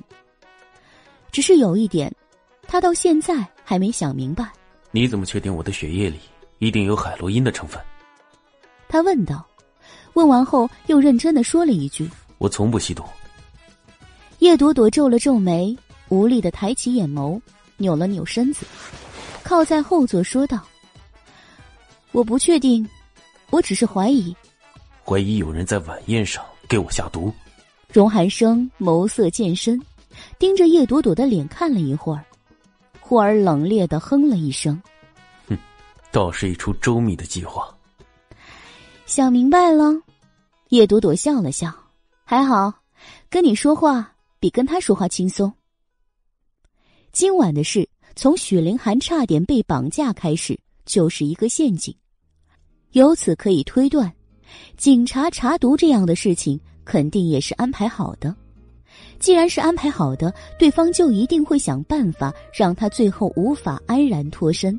而这个办法最直接的，就是在晚宴上给他下毒，不需要多大的分量，只消他的血液含有海洛因的成分，那就是铁证。他有一万张嘴都解释不清。他正是基于这样的分析，确定他的血液中极有可能已经含有了海洛因的成分，所以他才会调包粉末，又编了那样的说辞，让他这血液中的海洛因来源有了合理的解释。为了帮他，他也真是费了心思的。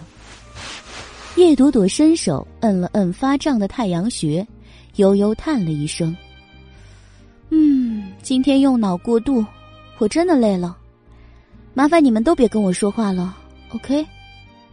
他又闭了眼，荣寒生目色深沉，没说什么。伊森则是听了这些话之后，直接傻了，到现在还没完全领会透这其中的奥妙，自然也没什么可说的。车厢内安静了一会儿，荣寒生的目光都还没从叶朵朵脸上挪开。就听见他又轻轻的嘟囔了一句：“荣寒生，警局的事你还要盯一下。别怪我没提醒你，我按照迷药的成分报出了几个成分名，有的对我给你编的那个头疼的毛病可没什么效果，糊弄糊弄不懂行的人还行，警局检验科的人要是认真追究起来，恐怕麻烦。这点事儿你自己处理。”别再来麻烦我了。女人眉心微蹙，粉唇轻轻翘着，仿佛今晚劳累了她一场。她极度的不高兴。荣寒生的目光落在叶朵朵双眉之间的那点暗色上，沉默了几秒，浅浅勾唇，回了一个字：“好。”车内恢复安静。又过了好一会儿，开车的伊森才回头试探的问了一声：“叶小姐，你家在哪儿啊？”在去我那儿。两人的声音同时响起，叶朵朵又不得不再次睁开眼睛。荣寒生，我已经有地方住了，不用再麻烦你了。他的语气带着点抱怨，微微生气。这个点儿了，不让他回自己住处睡觉，还想把他弄到他那里去，除了不安好心，他不知道他还能有什么想法。荣寒生当然听出了他的抱怨，但是。却跟没听见是一样的，他只是讥诮的勾了勾唇，安稳的靠在后座，眼皮都没抬一下的说道：“别想太多，我已经吃了你的迷药，就是想干什么也干不了了。”那你不好好回去睡觉，帮我去干什么？叶朵朵有些气闷，不高兴的嚷嚷起来。这时候，荣寒生才张开眼，侧着身体，眸色清亮有神的盯着他。鉴于你的一贯品行，我不太信任你。万一晚上我有什么不好的事情发生怎么办？你要对我的生命负责，叶医生。我一贯的品行，叶朵朵瞪眼戳着自己的鼻尖。我品行怎么了？我你荣寒生突然伸手攥住她的手指，微微一笑：“闭嘴，女人太吵惹人烦。”丢下这么一句之后，他才松了手。手臂屈起，枕在后脑，闭上眼睛，悠哉悠哉的说道：“你不是还想着那块地皮吗？看在你今晚帮了我一次的份上，给你一个机会。”地皮，叶朵朵眼睛一亮：“你肯给我了？”考虑一下。荣寒生惜字如金，眼帘闭合着，再没挑起来，一副多说一个字都觉得累的模样。叶朵朵盯着他俊朗的侧脸看了看，最后撇嘴轻哼了一声，又靠回了座椅上。去就去吧，谁让这男人手里握着那块地呢？有了那块地，他才能进一步打动、抓住父亲叶明远的心，才能入住叶家，查清妈妈当年的事。妈妈，熟悉又遥远的影像浮在脑海中。叶朵朵心疼了一下，不愿再继续挖掘难过的心思，他索性闭上了眼睛，不再多想。一个多小时后，车停到了荣寒生的私宅里，停稳下车，打开后座车门，伊森无语了，这后座的两人都睡着了，尤其是那叶小姐，睡姿真是销魂的不行。脑袋挨在他家老大的肩膀上，微张着小嘴，嘴唇就紧紧的贴在老大的衣服上。从那样子来看，他家老大的衣服一定被叶小姐的口水染湿了一大片。一向洁癖的老大知道自己的衣服被女人的口水染湿了，会不会崩溃？急于获知荣寒生的反应。伊森躬身，伸手轻轻的推了推荣寒生的肩膀。老大，到了。荣寒生一向警觉，今天是因为服了叶小姐特制的迷药，所以睡得沉了。伊森叫了三分钟，才把他叫醒。让他和伊森都无力吐槽的是，他都被叫醒了，身旁那个叶朵朵，居然还在睡，不只是睡，嘴里还在嘟嘟囔囔的说梦话。这个女人，睡功高深到如此境地，荣寒生也是醉了。如伊森所料，荣寒生在侧目看到他肩头那点湿哒哒的印记时，他那两条眉毛瞬间就扭成了麻花，丝毫没有犹豫，他就脱了衣服，直接扔给了伊森。扔掉。鉴于那一点口水印，荣寒生断绝了叫醒叶朵朵的念头，没再理会他，自己进了主屋。进门的时候，身后传来了那个女人的动静，荣寒生也没回头，径直就上了楼。感谢您收听都市言情小说《总裁的恶魔小七》，欢迎收听都市言情小说《总裁的恶魔小七》，作者：初寒，演播：八一六和叶儿不轻。后期制作：千雪，由喜马拉雅荣誉出品。第十六集，洗了个澡后，原本昏昏沉沉的脑袋倒是清醒了一些，不那么想睡了。他叫了伊森去书房。老大，今晚的事儿我已经吩咐人去查了那几个打算绑架许小姐的人。伊森心知荣寒生找他干什么，一进来就主动做了汇报。荣寒生点点头。眉宇间的疲惫散了一些，多了几分冷冽。那个警察也不能放过，不要硬来，暗中去查。是。伊森应道，随即厌恶的冷哼了一声：“那个混账东西，一看就是被人收买了的。”说完，他又似乎想起什么似的，试探的问道：“老大，您觉得这事儿会不会又跟大少爷有关？”荣寒生唇边。掠出一丝讥诮的冷芒。如果真是他做的，我倒是低估他了。您的意思是，我没什么意思，只是觉得今天的事情复杂周密，不太像是他的一贯作风。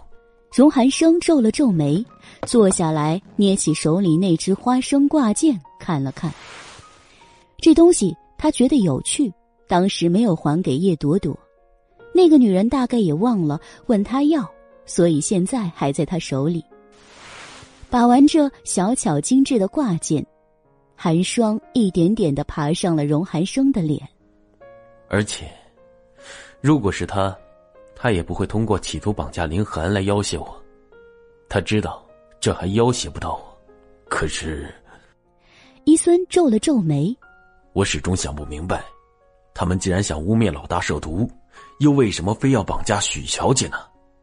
在会所里绑架，目标太大，很容易被人察觉，这样岂不坏事？坏事。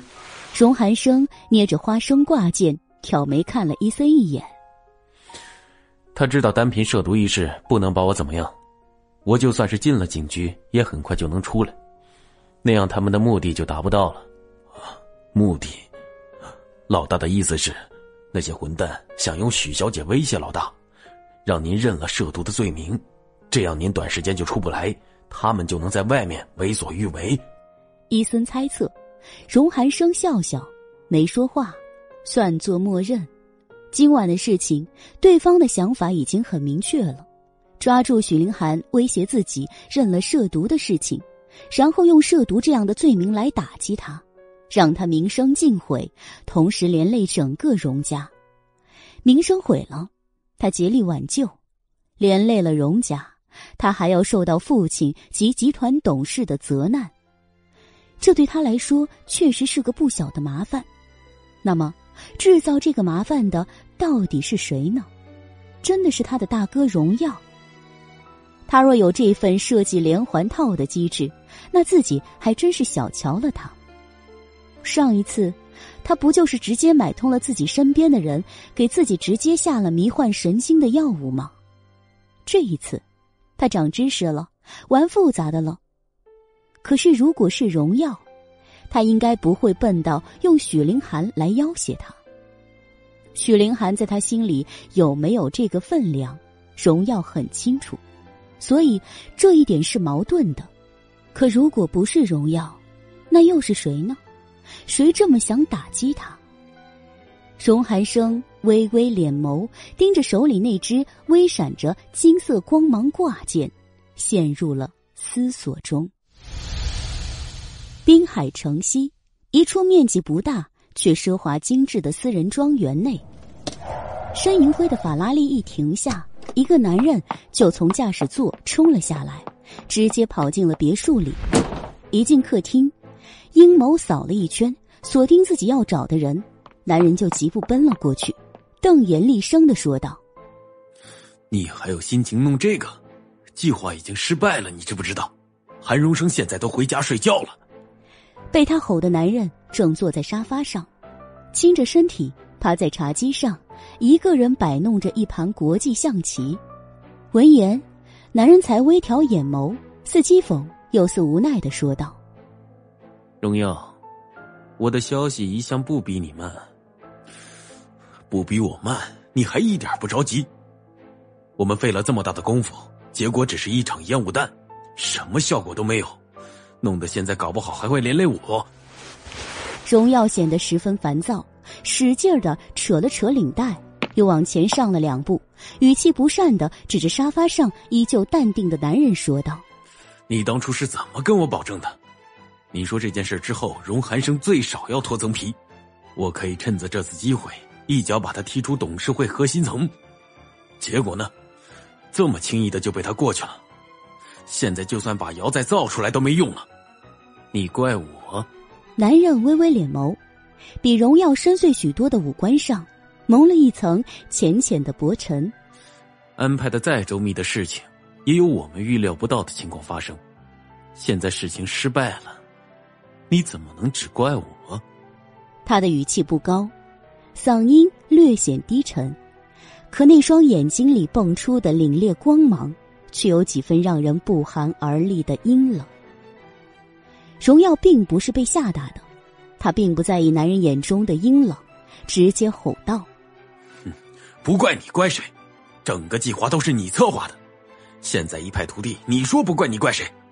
还有，我当时就跟你说了，许林寒那个女人对韩荣生根本构不成危险，让你别碰她，你还不听。韩荣生那么狡猾的人，肯定会想到这整件事里的关联，这根本就是多此一举，打草惊蛇。”下次再想动他就难了。男人盯着荣耀，突然站起来，眼眸收紧，脸上阴气尽显。姓许的女人这件事情我没听你的，是我思虑不周。但是荣耀，我警告你。他伸手毫不避讳的戳向了荣耀的鼻尖儿，语速放缓，一字一顿的说道：“我们只是合作，你没有资格用这种语气跟我说话。”鼻尖上微微一疼，荣耀也火了。你，他的拳头刚刚扬起，客厅里就不知道从哪儿冒出了几个一身全黑的劲装男人，急速的掠到了他的身边。被黑衣男人强大的气势包围，荣耀的拳头立即就软了。这里不是他的地盘，动手的话，吃亏的铁定是他。还有你，荣耀。男人手指收回，目色不屑的盯着荣耀的脸。就只会指责别人，你自己手下那几个笨蛋连一个女人都弄不回来，我真不知道你还能干什么。那不是我的人。荣耀气得低吼：“你自己的人你不舍得出，我也不能那么笨的动用自己的人，让荣寒生顺藤摸瓜查到我。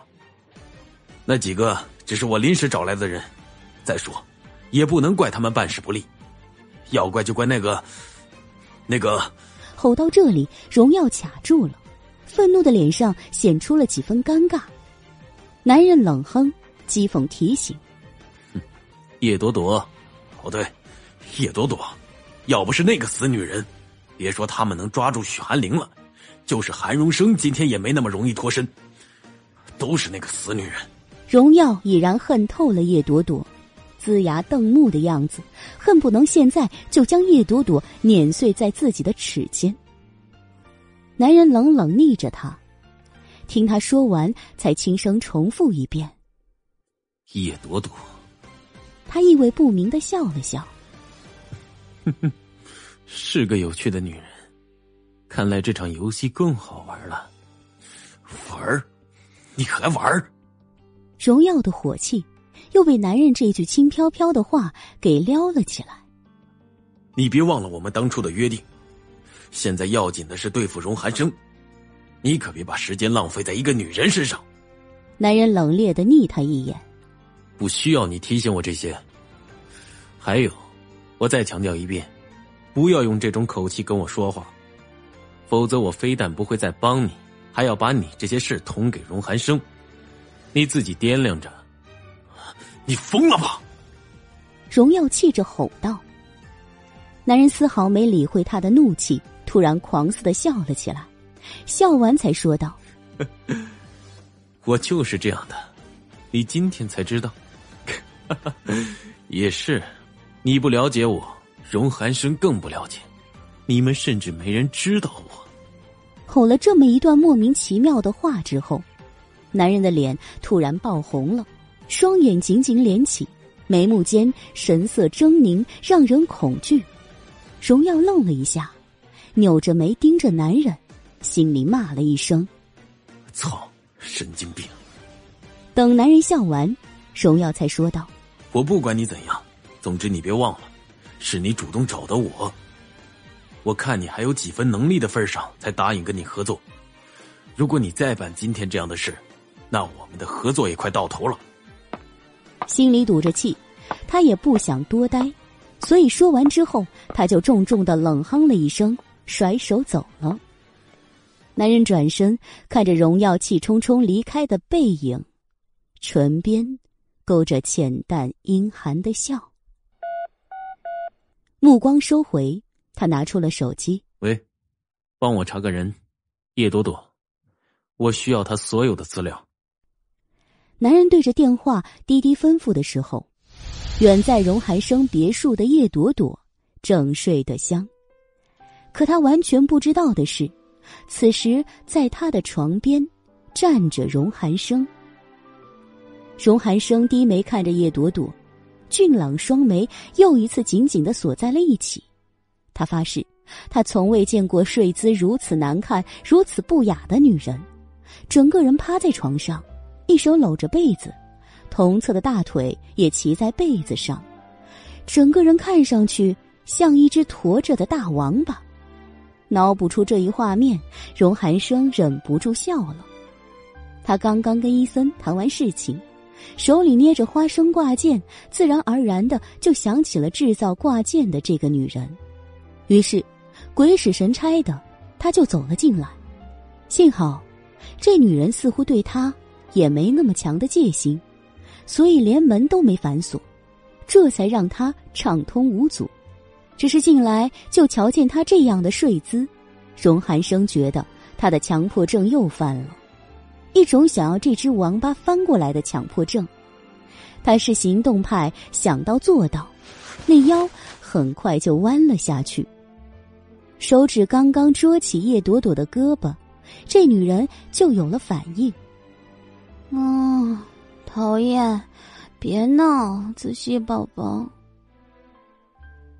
女人睡意十足，慵懒软糯的声音传来。荣寒生的手僵了一下。子熙，像个男人的名字，其实也不那么像，只不过先入为主的印象很可怕。荣寒生第一反应，这就是个男人名，所以他就必然是男人名。男人名也就算了，还宝宝，可够腻歪的，不嫌恶心。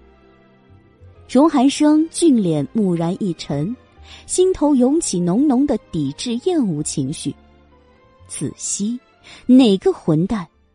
心中咒骂一声，荣寒生眉目一沉，毫不留情的伸手钳住了叶朵朵的胳膊，不管他醒没醒，直接像翻一只王八壳一样把他掀了过来。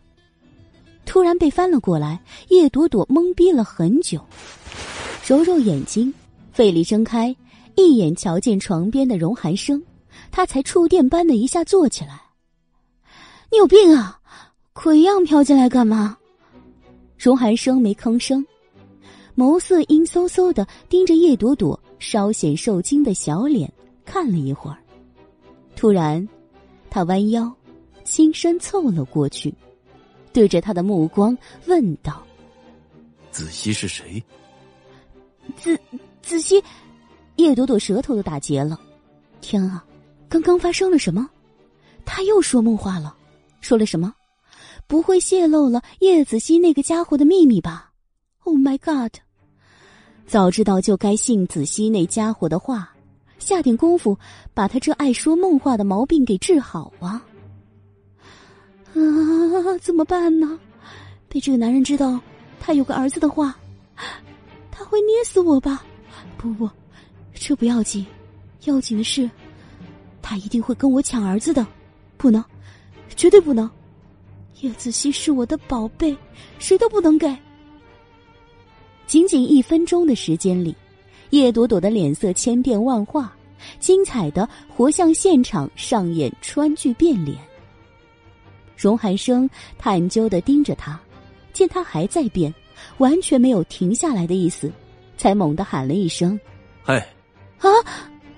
叶朵朵吓了一跳，仓皇回神，结结巴巴的说道：“子子熙，子子熙谁啊？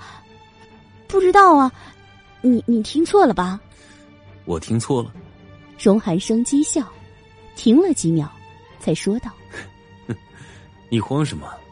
我对你的私事并不感兴趣，对你愿意跟哪个野男人鬼混更没兴趣。野男人，叶朵朵了然，小心肝儿顿时扑通一声落进肚子里。哦，这样啊，那就好，那你别感兴趣啊，千万别。女人笑靥如花，娇俏可爱。尤其是那双眼睛微微弯下，就似天上刚挂出来那轮新月一样好看。荣寒生心里的某根弦猛然的跳了一下，随即颤了很久才平复。他没有离开，而是直接坐在了床边。所以，那个男人到底是谁？他盯着叶朵朵。目光像 X 射线一样，叫他无所遁形。叶朵朵暗暗吞了口水，差点又结巴了。你、你、你不是说你不感兴趣的吗？嗯，我不感兴趣。荣寒生随意的重复了一声，而后笑了笑。我这只是出于朋友间的关心。朋友间的关心。叶朵朵惊叫出来，眼眸张大。瞪着这个在他看来很莫名其妙的男人，荣先生，我们算朋友吗？好像不能算吧？不算吗？叶小姐这么说，我可真是伤心呢。荣寒生露出一副我很受伤的模样，那眉心轻蹙、淡淡忧伤的感觉，竟让叶朵朵脑补出了一副小攻小受的场景。暗自吐槽之后，叶朵朵勉强摁住了又开始扑通乱跳的小心肝儿，强作镇定的说道：“不管算不算，反正这是我的私事，就算是朋友，你也不能管天管地，管我跟谁上床吧。”上床，这个字眼真的是讨厌。荣寒生自然搁置在床上的手不自觉的攥紧了，他的目光凝在叶朵朵。那张开开合合的粉唇上，虽觉得生动，却也觉得嚣张的，让人想吻他。行动迅速如猎豹的他，当然没有把这个念头只停留在脑海中。下一秒，他的脸就凑了过去，薄唇染上某人的唇瓣时，他的手也扬了起来，扣住了他的后脑勺，让他动弹不得。就容寒生来说。他已经六年没有真正意义上碰过女人了。隐疾没有治好之前，他对女人的反应也相当平淡。他是从身心上都不那么渴望女人，但是病治好了之后，情况有所改变了。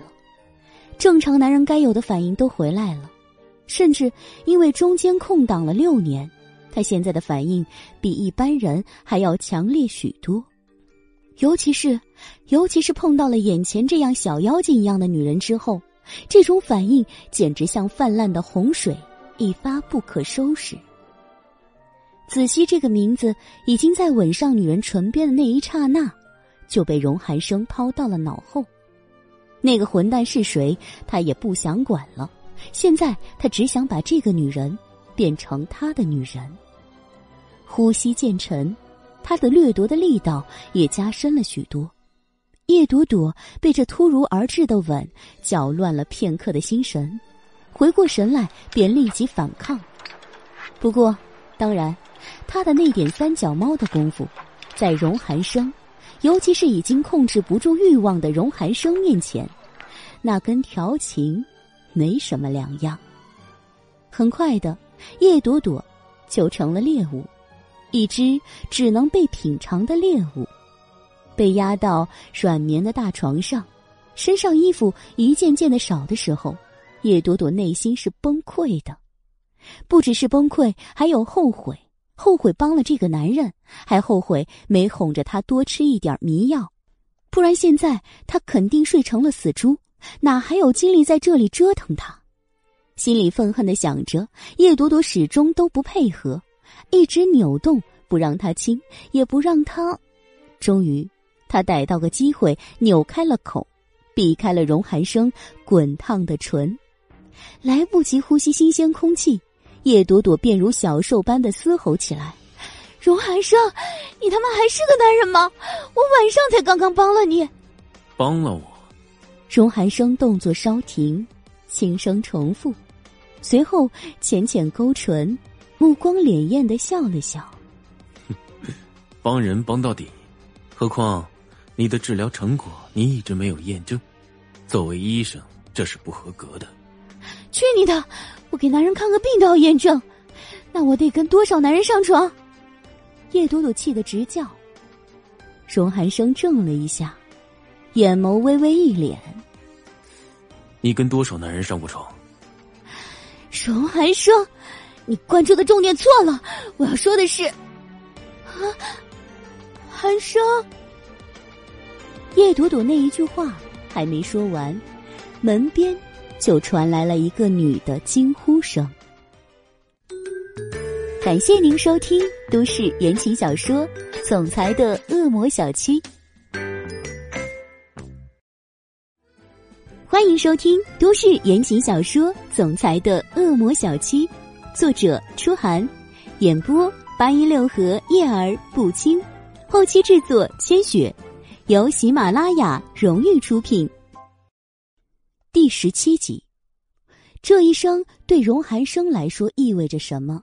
叶朵朵不知道，他只知道许凌寒这一声喊对他来说是上帝的救命之声。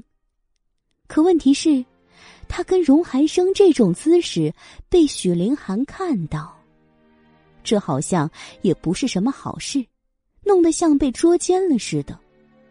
这都怪荣寒生，自己不要脸，还害他没了清白。心中有气，叶朵朵没好气的推开了身形稍有些僵硬的荣寒生，走开！你老婆追来了。闻言，荣寒生黑了黑脸，翻身下床，他也没力气回头，而是站直理起了衣服。先前那点时间，他已经急不可耐的脱了上衣，只穿着裤子。这种情形下，他穿衣服的动作竟然丝毫不见慌乱，轻巧优雅的让人咂舌。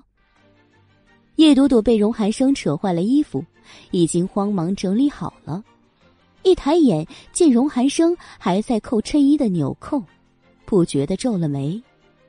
他倒是淡定啊，欺负人的是他，做丑事被抓的也是他，结果他没事人一样。脸皮厚成这样，也是没水了。想到这些，叶朵朵没好气的翻了荣寒生一眼。荣寒生扣好最后一粒纽扣的时候，抬眸，正好看到叶朵朵的这一记白眼。他没有说什么，脸上也没什么表情，只是目光有些深邃。二人穿衣服的时间里，许凌寒一直没吭声。他用那双眼睛不停的给这房间加温，不需要看他都能感觉到这份焦灼感。这样的事，叶朵朵还是第一次碰上。虽然今天这事儿都是荣寒生作孽，跟他没关系，但是从心理上说，他还是尴尬，也有点小小的紧张。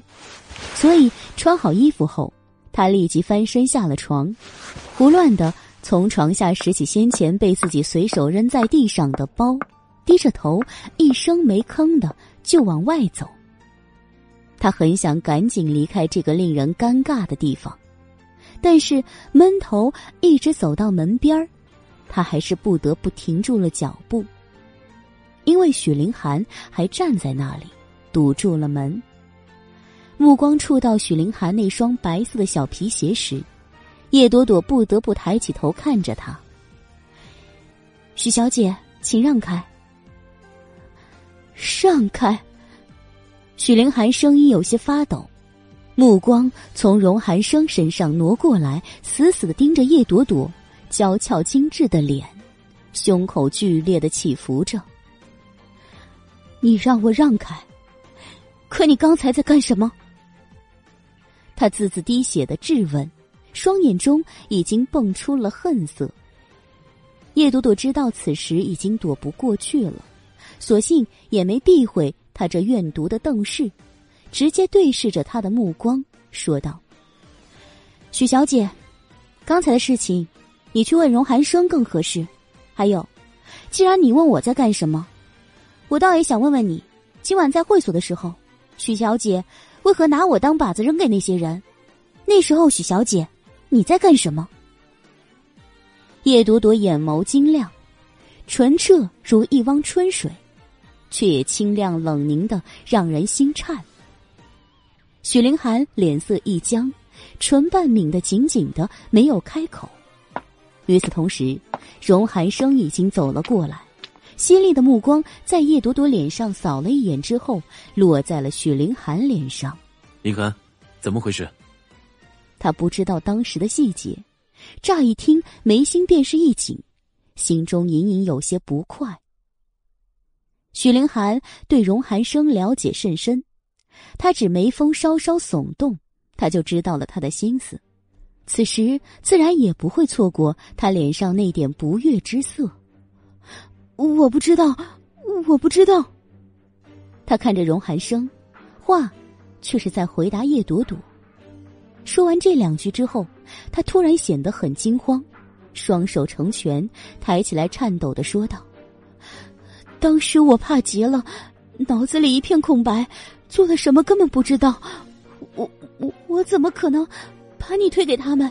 叶小姐，你不要冤枉我。”说到这里。许凌寒美丽的大眼中已经蓄上了泪水，虽然还没掉下来，但是那波光粼粼的样子，真的叫人我见犹怜。我冤枉你，叶朵朵冷笑：“好吧，算我冤枉你。那许小姐，现在麻烦你让开，让我出去。”叶朵朵上前一步，抵到许凌寒面前时。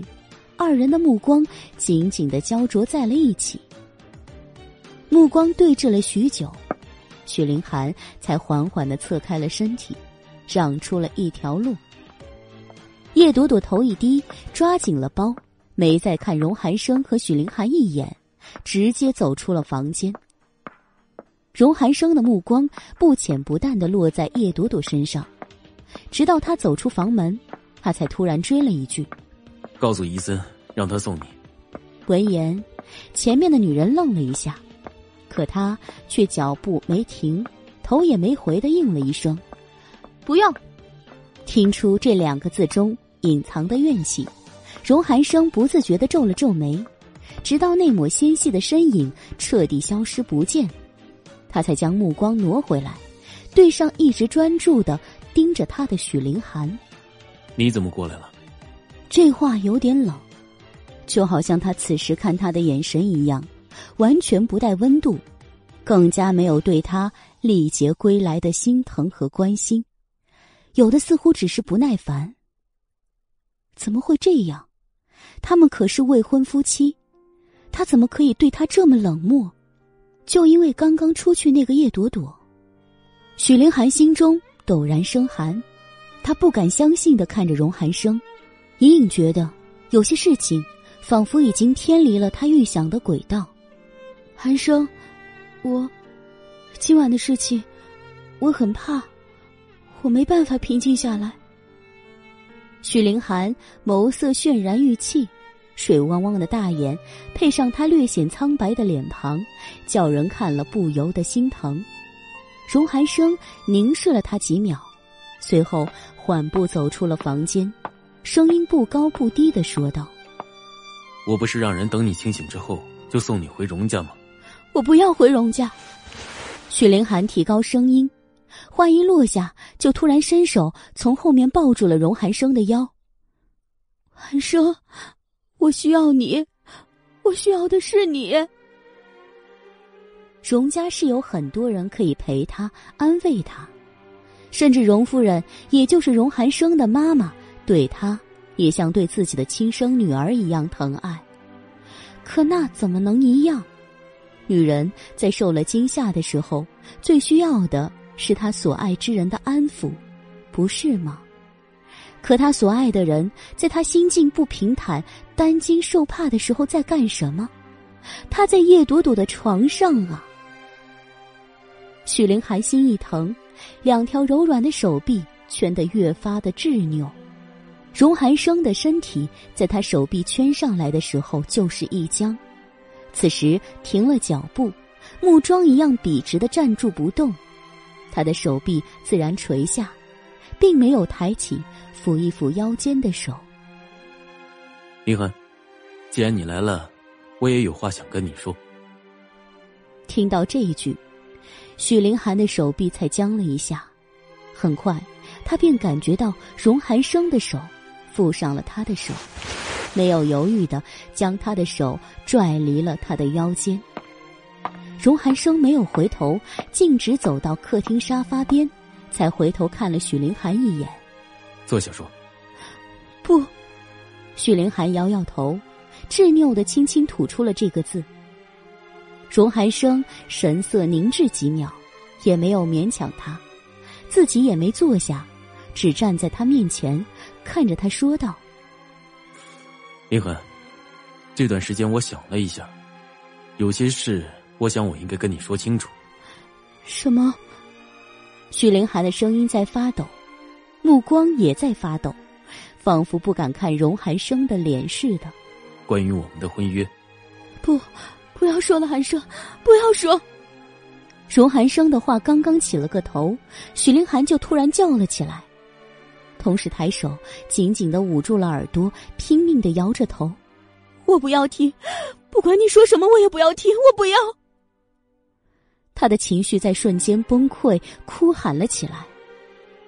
荣寒生皱了皱眉，看了一会儿，才加重了语气，喊了一声：“林河，你冷静一点。”我冷静。许凌寒瞪大泪眼，放下手臂，死死的盯着荣寒生：“你让我怎么冷静？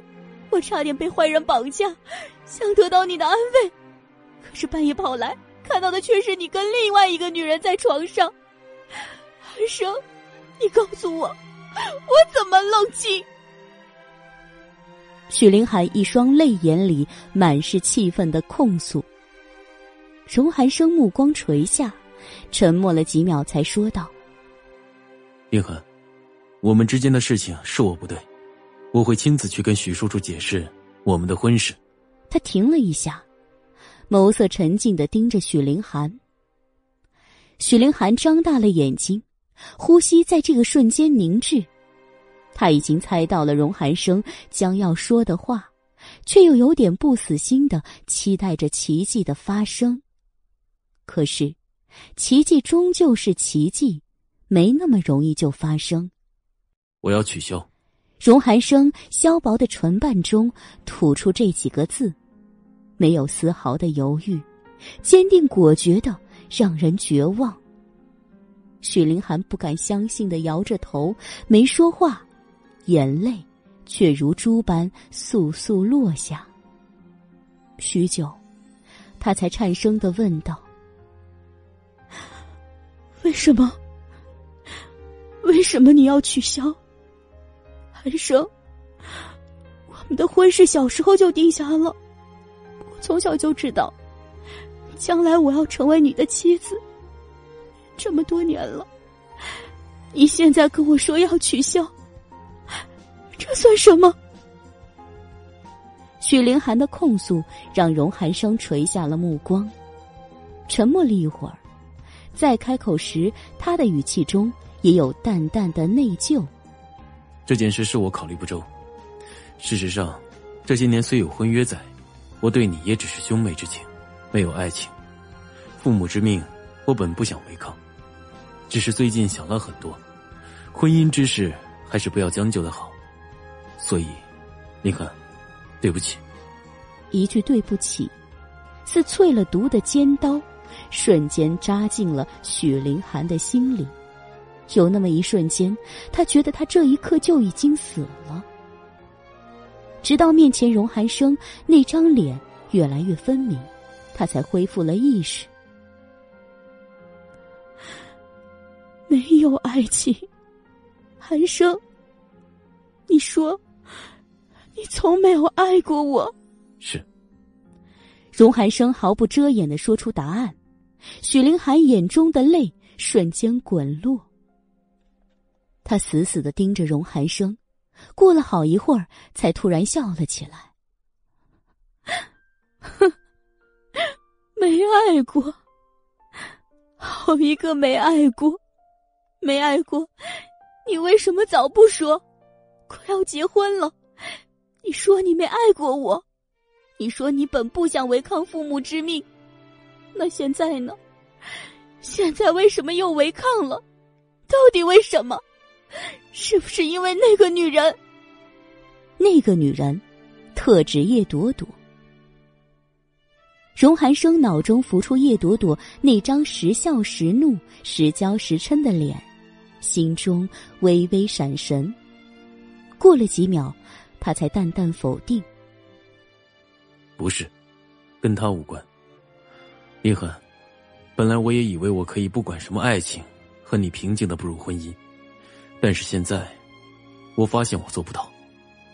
而且我也不想再耽误你，你应该值得更好的男人。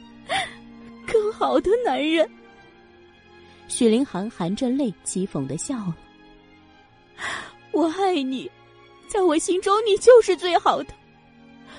我知道，其实我心里早就清楚，你没有那么爱我。这些年一直都是我在追着你，就连结婚，也是我在催你。这些我都知道。但是寒生，我不介意，我爱你，不管你爱不爱我，只要能跟你在一起，我都愿意，愿意忍受一切。寒生。他越说越急，最后紧紧的拽住了荣寒生的胳膊，不肯松开。荣寒生手臂一僵，没有动，只是低眉看着那只执拗的手，那目光中有着许凌寒无法窥探的冷淡。僵持了几秒后，他抬手抓住了许凌寒的手，缓缓拿开。我不愿意勉强。短短几个字。显示了他的决心。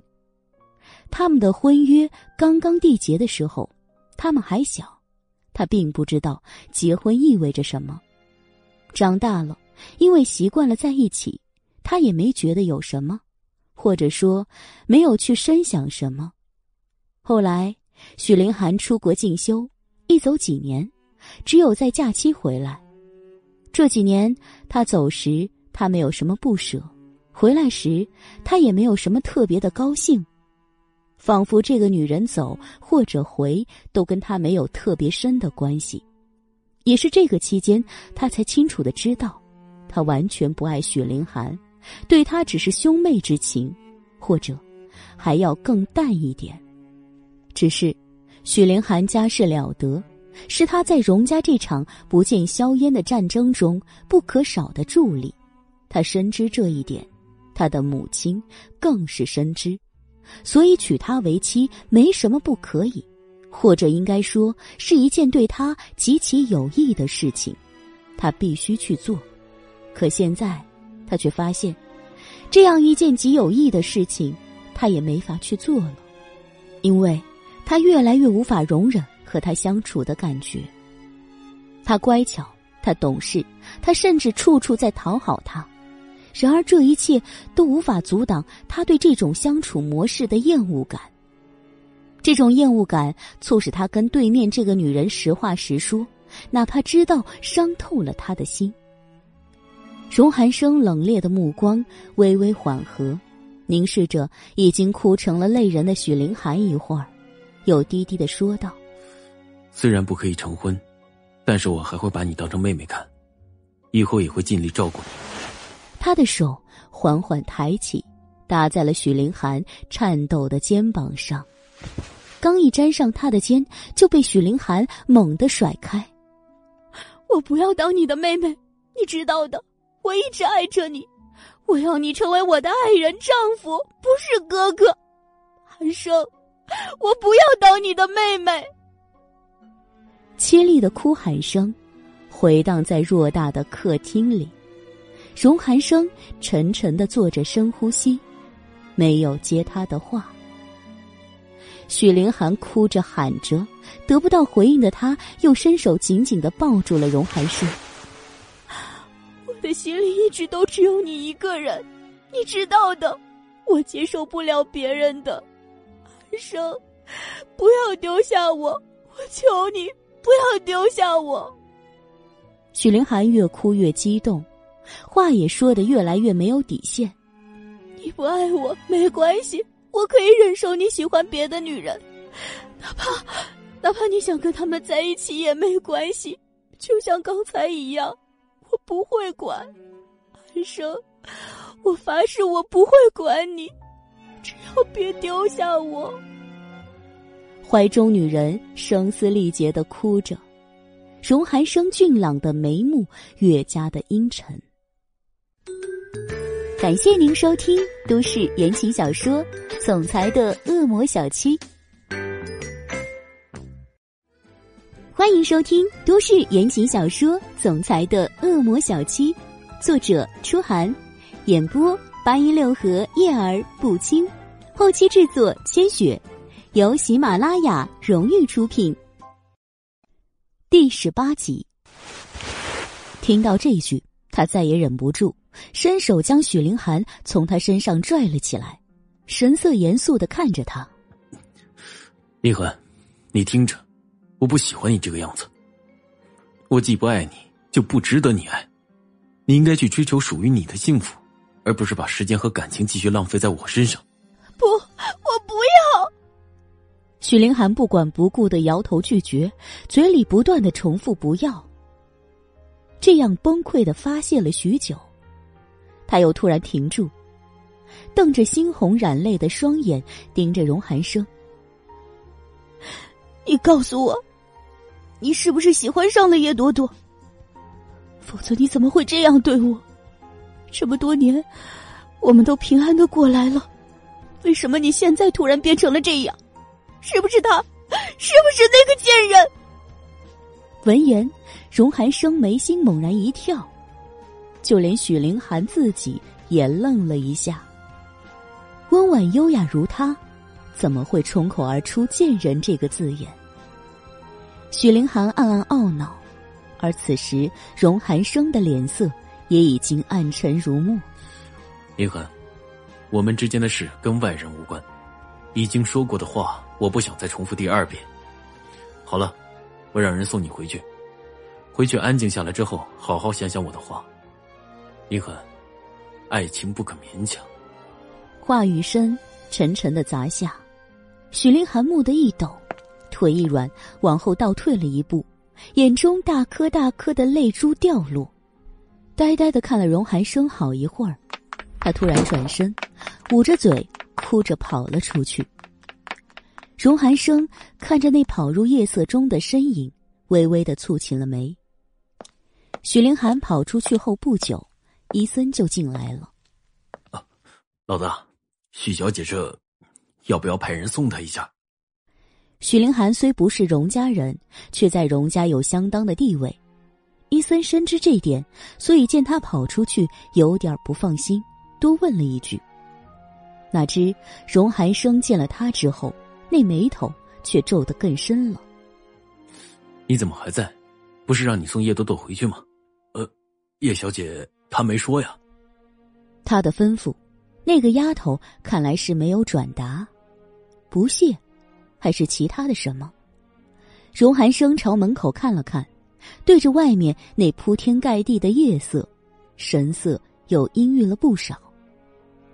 没有收回目光，他直接说道：“你送林寒回去。”是。伊森应声退出。他走后，荣寒生也跟着出了主屋。他站在廊檐下，远远的看着许凌寒上了车。银灰色的车驶入夜色中不见时，他才转向车库。几分钟后，一辆黑色的轿车驶出了别墅。有钱人都喜欢闹中取静，一般都会远离闹市区，选一处僻静又风景优雅的地方住。荣寒生的住处正是在这样一个地方。这样的地方什么都好，就是对于没车的人来说，想离开简直是煎熬。尤其是在这夜黑风高的晚上，行走在连个车影都难得一见的马路上，那种感觉是崩溃的。叶朵朵抓着包走在路上，不时的回头看有没有出租车经过，可一路走来，看到的顶多就是几辆疾驰而过的私家车。出租车那是鬼影都没瞧见，难道他今天要步行回到自己的住处？想到这里，叶朵朵心里就忍不住咒骂荣寒生一万遍。没事乱发情也就算了，好死不死的还被女朋友看见，害得他莫名其妙的就当了一回小三儿。他这个运气也真是烂到家了。该死的荣寒生！叶朵朵一脚踢飞了路上的一小块砖头，低低的咒骂着。又走了十来分钟，自身后突然照过来一道强光。叶朵朵以为是路过的车辆，顿时来了精神，回头一看，那车已经停到了身旁。荣寒生的脸自车窗处显现出来的时候，叶朵朵以为自己眼花了。上车。男人低沉的命令声传来，叶朵朵才恍然回神，顿时，她就变成了炸毛的猫，冲着那个好像是来拯救她的男人，没好气的吼了起来：“我上什么车呀？你那位娇妻呢？别又被他看见，还当我是小三儿呢！”荣寒生盯着某张怒气十足的脸，皱眉沉默了一会儿，突然推开了车门，下了车。几个箭步，他就闪到了叶朵朵面前。鉴于身高的劣势，叶朵朵只能仰头看荣寒生。远处路灯投射过来的光影中，荣寒生的脸此时阴得像个鬼。你干什么？做错事的是你，你还有理了？叶朵朵梗着脖子又嚷嚷了一声，下一秒，她的手腕就突然被荣寒生擒住。一晚上没有一件顺心事儿，荣寒生的心情现在极端的拧巴，他根本一句话都没多说，直接的拽开了副驾驶的车门，像塞一块木头一样把叶朵朵给塞了进去。这个路段这个点，你再走两个小时也别想打到车。上了驾驶座，荣寒生这么说。透过车窗朝黑漆漆的前方看了一眼。叶朵朵最终放弃了开门奔出去这个念头，决定坐下来。她才下意识的扭头朝后座看了一眼。你的娇妻呢？这么跑出来送我，不怕人家又吃醋？娇妻，娇妻，连听两遍这种字眼的荣寒生狠狠的瞪了叶朵朵一眼。汽车发动起来之后，他才目不斜视，又严肃冷傲的说道。她不是我的妻子，现在连女朋友都算不上，注意你的措辞。女朋友都算不上了，闹掰了，莫名其妙的，叶朵朵的心情竟然欢愉了不少。哼，吵架了，闹矛盾了，活该！谁让你半夜不睡觉去爬我的床？哼！叶朵朵哼了一声，不遗余力的挑衅着荣寒生的忍耐底线，心头烦闷。荣寒生也懒得搭理身边这个女人，听他这么说之后，他就把满腔的怒气集中到了脚上，油门猛一踩，黑色的车就在空旷的大马路上玩起了飙车游戏。荣寒生的车都是好车豪车，那性能是毋庸置疑的，所以这一脚油门踩下去，叶朵朵的脑门差点光荣的撞到前面挡风玻璃上了。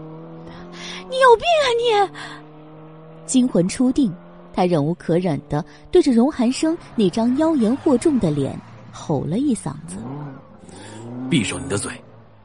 荣寒生低低吼道。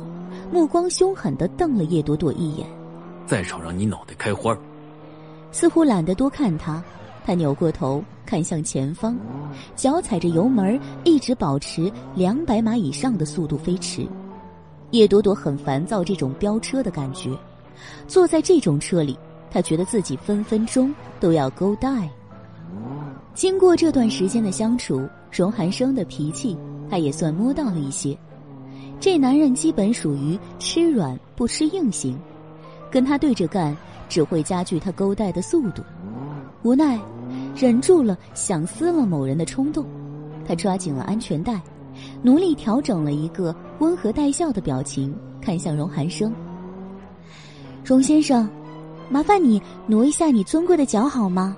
这大晚上的，别吓人，万一被警察叔叔抓到了，你这个速度要吊销驾照的。”你看，你长得这么帅，我这么貌美如花，万一出点车祸，弄成了脸先着地的天使，多不好是吧？荣寒生，你到底听见没听见我说话呀？我跟你说哦，我有晕车的毛病，你再开这么快，吐你一车可别怪我。叶朵朵见软化无效，耐性很顺利的耗光，忍不住又嚷了起来。听见他这句。被吵得脑袋都要炸开的荣寒生，倏地转脸瞪向叶朵朵。与此同时，他的脚用力一踩刹车，将车刹住。这样一来，叶朵朵的脑袋毫无意外的撞到了前挡风玻璃上，砰的一声，撞击声相当华丽。哼！叶朵朵轻呼一声，随即捂住了已是满脑门金花的头，闭眼缓了好一会儿，才恢复意识。荣寒生，他捂着额头，咬牙切齿的瞪向荣寒生：“你，我这是听你叶小姐的命令放慢速度。”荣寒生直接把话接了过来，唇角微扬的说道：“不知为何，瞧这女人龇牙咧嘴、愤怒不已的样子，他心里的阴郁倒是散了一些。”闻言的叶朵朵真是气坏了，手一甩。指着荣寒生的鼻子便道：“我是让你放慢速度，让你直接刹车了。仗着你车子性能好，是不是了不起了？你知不知道？就你刚才这下，要不是有挡风玻璃，我就直接飞出去了。荣寒生，你损不损啊？欺负我一个手无缚鸡之力的弱女子，你很得意？你飙车，有本事你找舒马赫飙车去啊！跟我这逞什么能耐？”叶朵朵除了脑袋比较利索之外，第二利索的就是嘴皮子，噼里啪啦的就把荣寒生一通贬损。荣寒生双手握着方向盘，目光幽深的盯着那张急速开合的红唇，竟脾气极好的听他说完了所有的话，直到那张嘴彻底闭上，不再开口，他才微微一笑。说完了吗？说完了的话，那我就告诉你，他的身体。往叶朵朵这边一倾，车厢内不算着亮的灯光中，他的脸上蒙着一层近似妖孽的浅笑。我就是欺负你了，就是喜欢跟你飙车，又怎样？话音还没落，他的脚就猛地一下踩了油门，那车直接又从零飙到了两百码。毫无准备的叶朵朵惊叫了一声。下意识的转身抱住了后座椅，像一只猴子死死的趴在那里。他还没回神，就听见旁边荣寒生疯狂讥讽的笑声：“疯子，疯子！”忍无可忍，他朝着荣寒生的侧脸咒骂了一声。荣寒生听他咒骂，也没生气，只侧眸得意的瞟了他一眼。这个让叶朵朵崩溃的车速一直保持到进了市区。车多人多，不得已，荣寒生才减速慢行。终于不再头晕的叶朵朵舒了一口气，盯着看上去已经恢复正常的荣寒生看了一会儿，报了柳倩娜的地址。其实，他新买的房子已经拿到了，但是这一件事关系到叶子熙的事，他不想让荣寒生知道他住在哪。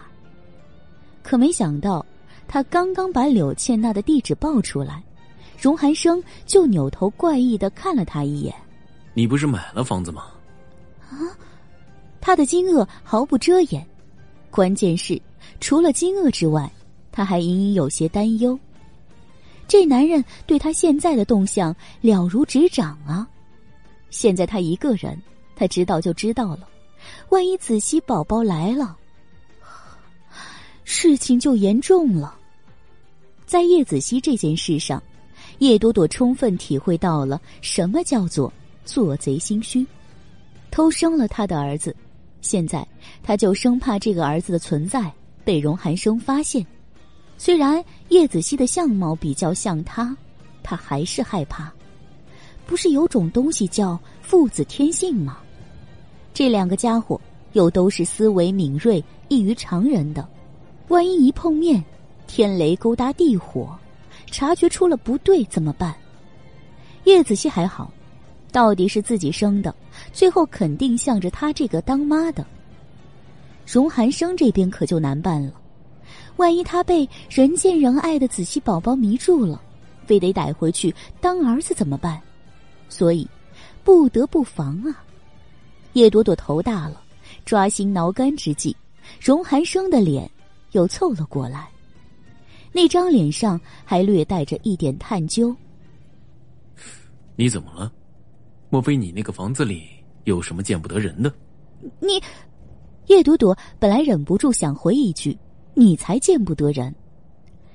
可被荣寒生这句话一提醒，他脑袋一灵光，就来了主意，顿时咧嘴来了一句：“不能算见不得人了，只不过是那里还有个人，被他看到你送我回去的话，有点不合适。”恐惧。荣寒生立即想起那个子熙宝宝来，脸色和心情都瞬间不阳光了。叶朵朵笑笑，没说话，却眨了眨眼，那意思很明确，就是羞涩的默认的意思。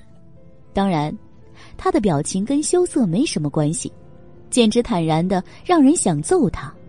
看着身边的女人眉飞色舞的样子，荣寒生那股莫名之气就堵在了胸口里。深深看了叶朵朵一眼后，他就转过来看向了前方。然后就是任凭叶朵朵说什么，他都一声不吭了。二十几分钟后，车停在了叶朵朵的公寓楼下。叶朵朵下车的时候，荣寒生也下了车，他像个影子一样和他保持着近到不能再近的距离。这个距离让叶朵朵皱眉：“你非要送我回来？我也到了，你怎么还不走？人家是有男朋友的人。”被他看到了怎么办？你快走，快走！他伸手推搡着荣寒生，荣寒生却在睨了他一眼之后，迈步走进了单元门。男朋友是吗？我很期待认识他。荣寒生已悠哉悠哉的走到了电梯口，叶朵朵一提挎包，慌忙跟上，伸手拽住了他那件手工定制的西装上衣。你发什么疯，荣寒生？你正常点行吗？叶朵朵快被这个神经错乱的男人给折磨疯了，他到底想干什么？这个时候，他不是应该在哄许凌寒吗？为什么非要紧揪着他不放？这画风太诡异了！不能上去！叶朵朵一咬牙，窜到荣寒生面前，挡在了电梯前，伸手拦住了他。我男朋友在上面，你这么上去算怎么回事？我又没把你怎么着。怕什么？还是说你心里有鬼？荣寒生伸出右手食指，直接戳在叶朵朵的脑门上。心里有鬼的人最怕就是别人看出来他心里有鬼。于是，他真的露出了心里有鬼的表情。荣寒生俊眸浅浅一眯，眸光擦着叶朵朵黑亮的发丝，看见后方电梯门打开，他便加重了手指的力道，直接将这个女人戳进了电梯里。身体微微一颤，叶朵朵站稳时，电梯门都关上了，而荣寒生那根修长如玉的手指，正点在控制板上，五零八。要死了！他居然连他的门牌号都知道。看着那闪烁着红光的三个字，叶朵朵心虚的出了一身冷汗。幸亏当时叶子熙那家伙出生之后，他伟大的师傅和敬爱的师兄们帮着他做了个完美无缺的虚拟档案，不然，就凭荣寒生这一手，子熙宝宝的事情迟早要露馅儿啊！靠在电梯后方。盯着荣寒生挺拔的背影，叶朵朵暗暗的吞了吞口水。不过眼下还操心不到叶子熙的事情，眼下是要想着今晚怎么应付这个男人。他非要进他家门，其实这倒是个好机会。不如，一个念头刚刚形成，耳边叮的一声，电梯到了。感谢您收听都市言情小说《总裁的恶魔小七》，欢迎收听都市言情小说《总裁的恶魔小七》，作者：初寒，演播：八一六和叶儿不轻，后期制作：千雪，由喜马拉雅荣誉出品。第十九集，站在自己的公寓门口。叶朵朵磨叽了半天，才从包里掏出钥匙来。钥匙串儿掂量在手上，她才发现少了点什么。随即一扭头看向荣寒生，伸手便道：“我的花生挂件呢？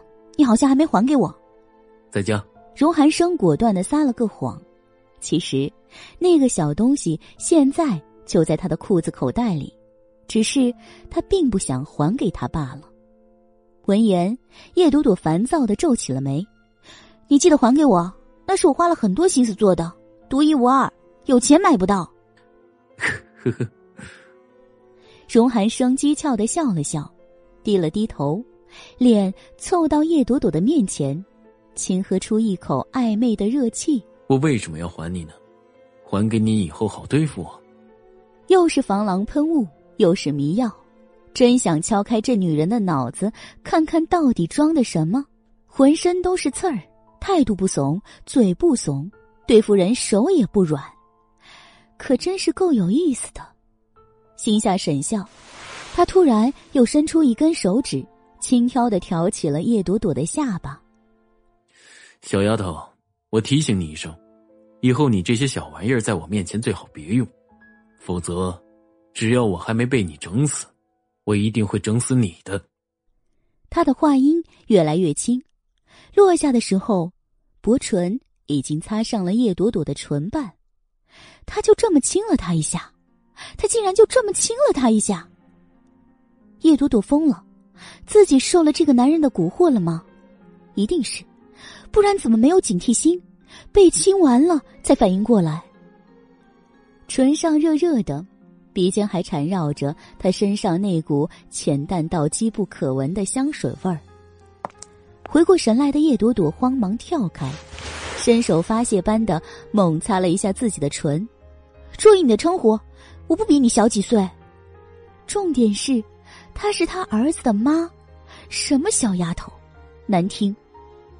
叶朵朵气愤的瞪着荣寒生，荣寒生直起身体，淡淡抿唇。还不进门，等着你男朋友出来迎接我们。荣寒生，真不要脸！送了这句话之后，叶朵朵转身开了房门。荣寒生这个人，在他看来，就跟一块牛皮糖差不多，粘上你了，你就跑不掉。他房间里没有什么男朋友，也不怕他来看。重点是，他刚刚在电梯里灵光乍现。决定今晚对他做点什么，所以就放他进来喽。想着这些，叶朵朵的心情愉快了不少。你男朋友呢？荣寒生的目光急速的扫过一百平不到的房子，讥诮的问：“大概没回来吧？”叶朵朵随口答着，进来就将手里的包随意的扔在了沙发上。反正你都进来了，坐一会儿再走吧。我去给你倒水。你不是要见他吗？他一般晚上都回来。晚上都回来。荣寒生侧眸看了看叶朵朵那张不以为然的脸，心情有些拧巴。是啊，同居嘛。叶朵朵故意挑眉笑着，说完也不再搭理荣寒生，直接进了厨房。他的厨房简单，基本上只有必用不可的电器用具。他可不像荣寒生，没事儿还会自己做个蛋糕什么的。对于厨艺。叶朵朵的水平停留在鸡蛋面的阶段，不过这不是什么重要的事情，因为不会煮饭不代表她不会下毒。事实上，她最擅长的就是下毒，不是吗？站在光洁的可以照出人脸的梳理台前，叶朵朵一边忙活着，一边浅浅的勾唇笑了起来。他在忙活这些的时候。荣寒生信步晃荡进了女人的卧室。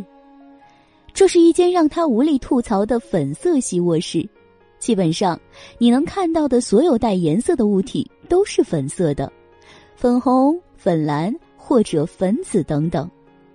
总之都是那种乍一看萌萌哒，看久了就让人怀疑这卧室主人智商的颜色。那样一个浑身是刺的女人。私下里竟然是这样的画风。荣寒生笑了笑，只觉得上帝在创造叶朵朵的时候一定得了精神分裂症。卧室不大，二十平左右，他站在中间，随便扫一眼，就将这里面的布局重点了解清楚了。一圈下来，他的目光最后落床头柜上。乳白色的床头柜上摆了一个电子相框，相框里正在缓缓滚动着一组照片。荣寒生的目光扫过来的时候，相框里的照片是叶朵朵的单人照。她站在一处风景优美的湖边大石头上，伸展着双臂，发丝和白裙一起飞扬，脸上带着灿烂的笑。荣寒生的目光在这张笑脸上停留了许久，不觉也跟着浅浅勾唇笑了起来。不过，他的笑随着下一张照片的出现就凝滞了。新出来的这张照片里，不只有那个笑容比花娇艳的叶朵朵，还有个男人，确切的说，就是那个丫头跟一个男人的合影。男人的长相。算得上英俊，身材高大，面目英朗，站在叶朵朵的身边，宛如一个保护神一样，直接将她笼罩在他的羽翼之下。这种保护的感觉，并不是荣寒生自己脑补出来的结果，而是照片上确实是这么显示的。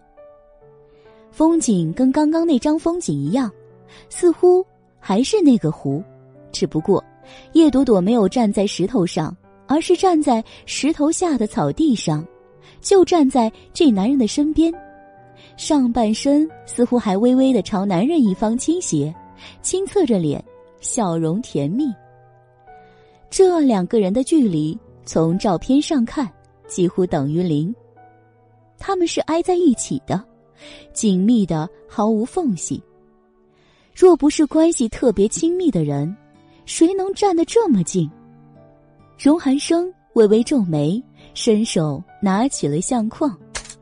叶朵朵收拾好了之后，抬眼一扫客厅，没有看见荣寒生，进了卧室，一眼就看见他拿着相框，顿时，他有了种五雷轰顶的感觉。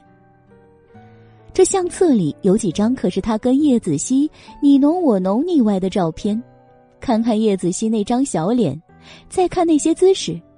脑筋稍微正常点的都能猜到他们的关系。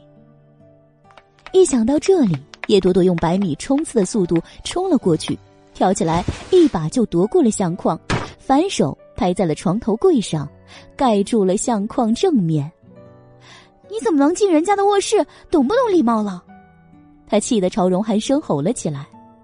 荣寒生垂下那只已经空了的手，侧眸凉凉的睨着他。怎么，窥视你那些见不得人的秘密，你害怕了？荣寒生，你说话注意点，有什么见不得人的？那是他刚刚看到那张照片，是他和袁木的合影。正想解释。荣寒生那张灰蒙蒙的脸又压了下来。说实话，你的眼光可真不怎么样，挑的人太 low 了。哼！还没回神，荣寒生已经转身走了出去。叶朵朵小心肝气得发颤，捏了捏拳头，咬了咬牙，想嚷嚷几句，又想到茶几上摆的东西，他又把那些骂人的话给噎了回去。我挑人怎么样？那是我的事，不劳您费心。荣先生，今天既然你来了，那正好，我们谈谈地皮的事情吧。你上次说的事呢？我想清楚了。我，他跟在荣寒生背后嘟囔着，不料荣寒生突然停住，转了身。叶朵朵没及时收住步子，差点一鼻子撞进某人坚实的胸膛上，吓了一跳。他条件反射的往后退了一步。一抬眼，荣寒生极具魅惑性的脸就在眼前。你怎么想的？我，嗯，我我我决定了。叶朵朵站得笔直，扬起小脸，笑容脸净，一副视死如归的模样。你说的有道理，跟你在一起好处多多，所以我决定，我答应你。叶朵朵说出这最后四个字的时候。那表情是力所能及的严肃认真，并且富有诚意。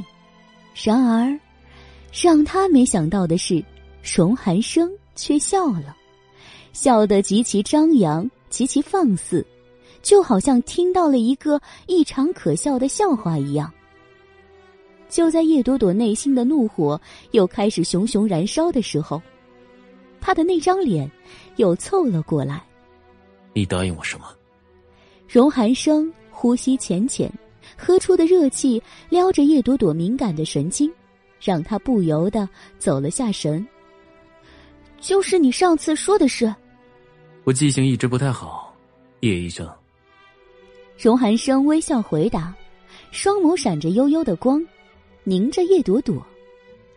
叶朵朵皱了皱眉，小拳头暗暗捏紧，忍了又忍，才说道。你不是说让我跟着你吗？我答应了。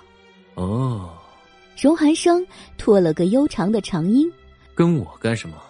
我不缺秘书，尤其不缺女秘书。叶子熙，如果这个男人不是你爹的话，本姑奶奶发誓今晚一定解决了他，让他永远从这个世界上消失。叶朵朵恨恨的想着，咬了咬牙。才终于扯出一个看起来有点风尘味的笑容，伸手很不庄重的轻拍了荣寒生一把。哼，荣先生，你可真坏！你不是说只要我跟着你，你就能帮我吗？非要我把话说的那么明白干什么呢？你是不缺女秘书，可我知道，你缺女人。他抬手。一根手指轻飘飘的戳到了荣寒生的胸口上，点了一下。荣寒生低眉看了那手指一秒，突然抬手攥住，将某个不知死活的正在作死的小丫头扯进了怀里。这么说，你真开窍了？必须的。叶朵朵竭力说服自己，忽略荣寒生那股扰人的气息，弯眉浅笑的应道。荣寒生的一条手臂绕上了叶朵朵的腰，大手掌心紧密的贴在她的腰上，散发着灼热的温度。那好，我们现在就来试试你的诚意到底有多少。五指指尖用力，不轻不浅的掐了叶朵朵一把。叶朵朵腰间一麻，脸上的笑也有些勉强。哼，别这样嘛，你知道我可不是那种女人。就算想通了，再到具体实施，总还是要有个过程，不是？这样，我们先喝点东西，坐下来聊一聊，如何？荣寒生的眼中倒映着叶朵朵迷人的笑容，看了一会儿，他也勾了勾唇。好，话这么说，他的手却没有松开，直接揽着叶朵朵的腰走进了客厅。一进来，他就嗅到了一丝淡淡的花香。你点了什么？叶朵朵笑了笑，伸手一指花架上的一只香薰盒。玫瑰香薰。增加点气氛，气氛。荣寒生似乎来了兴趣，低眉略暧昧的一笑，调情。调你妹呀调！叶朵朵心中咒骂，唇边弧度不改。没有了，我是良家少女，只是喜欢这个味道，在家喜欢点而已。良家少女。荣寒生被这种字眼儿逗笑了，叶朵朵趁机扭了一下，避开了他的手，走到了沙发边，端了一杯红酒，递到了荣寒生面前。荣寒生端起酒杯，优雅的举到眼前晃了晃，抿唇说道：“你真的确定要在这里？不怕你男朋友回来撞见？”男朋友，该死，还有男朋友这个梗。叶朵朵暗恼。脑子飞速转了一下，笑道：“其实吧，他也不是每天过来，今天正好有事，他早就跟我说了，不会来，所以没事的。”是吗？荣寒生端着酒杯走到了沙发边坐了下来，讥讽的哼了一声：“你倒是坦然，就那么想跟我上床？”哼，利益当先，这个社会不就是这样吗？虽然心里恨不能直接把这个男人给剁了，可面上他还是不得不耐着性子应付他。荣寒生听了这话，挑眉看了叶朵朵一眼，没说话，又转回目光看了看自己身边的空位置。过来，他示意，叶朵朵抗争了几秒，无奈挪了过去，还没有沾上柔软的沙发。他就被荣寒生一手给勾到了怀里，小脸直接碰到了他的下巴。小丫头，你不会在这里动了什么手脚，给我下药吧？荣寒生轻飘飘的问，深邃的眼眸中跳跃着点点高深莫测的笑意。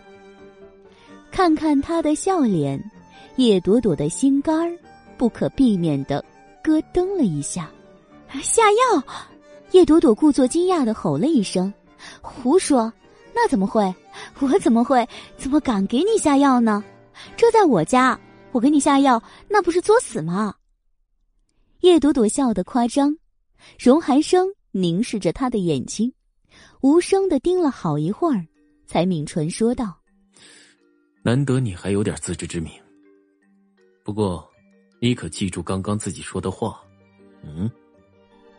他伸手捏着叶朵朵的下巴，捏了捏，叶朵朵往后一撤，避开了那两根有点烫人的手指，一转身，从茶几上端了荣寒生面前的红酒，举到自己的面前，笑道：“不信你喝喝看，我有没有给你下药？”荣寒生深看他一眼，没有犹豫，就接过了酒杯，直接抿了一口，眼看着那暗红色的液体。进入荣寒生的口中，叶朵朵愣了一下，真喝了，他还以为这杯酒要白白浪费了呢。怪了，他刚刚不是已经起疑了吗？怎么喝起来这么顺畅？正疑惑着，身边的荣寒生突然眉头一皱，站了起来，直接奔向了卫生间。你怎么了？叶朵朵慌忙跟了进去。进了卫生间，就看到荣寒生伏在马桶前呕吐起来。怎么搞的？叶朵朵皱了眉，面对这样的情形，有些不理解，也有些无措。不过，想了一下，他就明白了，小脸皱皱。他转身走到换洗台前，随手拿了漱口杯，接了一杯水，随后又扯了一点纸巾下来。等荣寒生吐完了，转过来，他就把两个手都举了过去。你今晚在宴席上被人下了毒品，量不多，不足以上瘾。不过那东西进了身体里，会有些不良反应。你一直没有表现出来，我以为你没事，没想到。你只是后知后觉了一点。叶朵朵前半段是陈述事实，后半段就成了幸灾乐祸。荣寒生接过他手里的杯子，漱了口，又捏了纸巾擦了擦嘴，看了面前的镜子一眼，才蹙眉说道：“胃里一直不舒服，被你那杯红酒刺激了一下，守不住了。”扔了纸巾，他才转眼看向叶朵朵。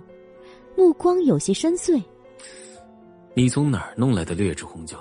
我，叶朵朵气着了，说了一个字，停了一下，最后瞪了荣寒生一眼，走出了卫生间。荣先生，我只能说你的嘴巴太娇贵了。荣寒生跟在后面，出卫生间时，朝花架上的熏香看了一眼。感谢您收听都市言情小说《总裁的恶魔小七》，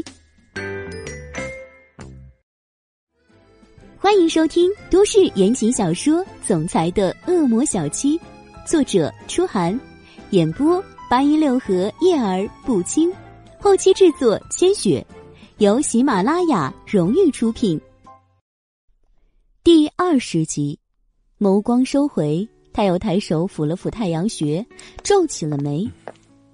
摄入毒品的后遗症，是不是还包括头疼头昏？嗯，前面的叶朵朵随口应了一声，说完又猛然停住脚步，回头看他：“你不舒服？”荣寒生挑眉看了他一眼，声音略显疲惫的说道：“有点。”那你过来坐一下，休息一会儿。叶朵朵朝沙发看了一眼。随后走过去，将茶几上两杯酒都推倒在一起，声音不高不低的嘟囔道：“浪费我的红酒，我去给你倒杯水吧。”他起身时，转眼搜索荣寒生的身影时，却怔了一下：“喂，你去哪儿？”“我是，我想睡觉。”荣寒生的声音慵懒的像一只就快睡着的猫，说话的时候。他人已经到了门边儿，叶朵朵慌忙追了过去，一边扯住他：“那是我的房间，床是我的床，荣先生，你要睡觉请睡沙发。”“睡不惯。”荣寒生扔出这一句，就轻轻挣脱了叶朵朵的手，直接走到窗口，将窗子开到了最大。“你要干什么？”叶朵朵问了一声，荣寒生这才转脸。皱着眉头看他，我睡觉喜欢吹点风，这个角度正好。还有出去的时候把我门关上，我喜欢关门睡觉。荣寒生，这是我的床。叶朵朵忍无可忍的吼起来，可她的声音都还没落，那边男人已经一头仰倒在了床上。荣寒生，对叶朵朵来说。有两样东西是不能被男人碰的，第一是他的身体，第二就是他的床。这是他最私密的一小块地方，居然被一个臭男人躺了。忍无可忍，他冲过去，一把拽住了荣寒生的胳膊，想把他拽起来。哪知这男人沉的跟什么似的，他用尽了全力都没有把他拽起来一点点。这还不算。要命的是，男人手臂一收，反倒把他给带倒了，砰的一声，不偏不倚的跌在了他的身上。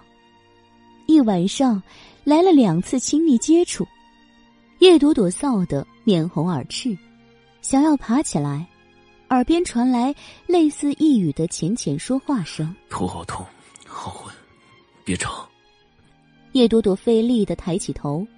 仔细的凝视着荣寒生的脸，看着看着，她也忘了此时还趴在这男人身上这个事实。闭着眼，薄唇紧抿，虽然眉心微微蹙起，可这样子看起来真的像是睡着了。药已经起反应了，还是先前让他从花生里倒出来吃下去的粉末余效未了？不对，不会是之前的。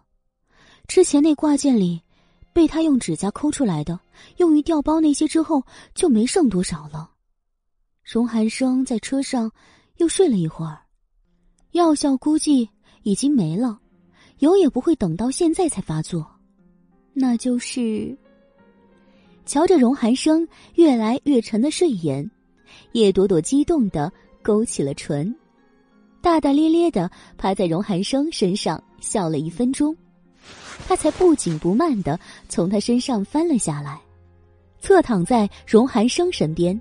他也没急着起来，而是撑着手臂，托着腮，静静的盯着荣寒生一会儿。大概又过了五分钟时间，他才伸手戳了戳荣寒生的脸。荣寒生，荣寒生，叫了两声，戳了几下，荣寒生还是没反应。看着那张不时被自己手指戳出一个小凹坑的脸，叶朵朵唇边的弧度越来越深了。小样，不喝红酒是吗？照样让你中招。翻身下床，他也没着急开始实施他的计划，而是出了卧室，去了花架那边，弄灭了香薰灯。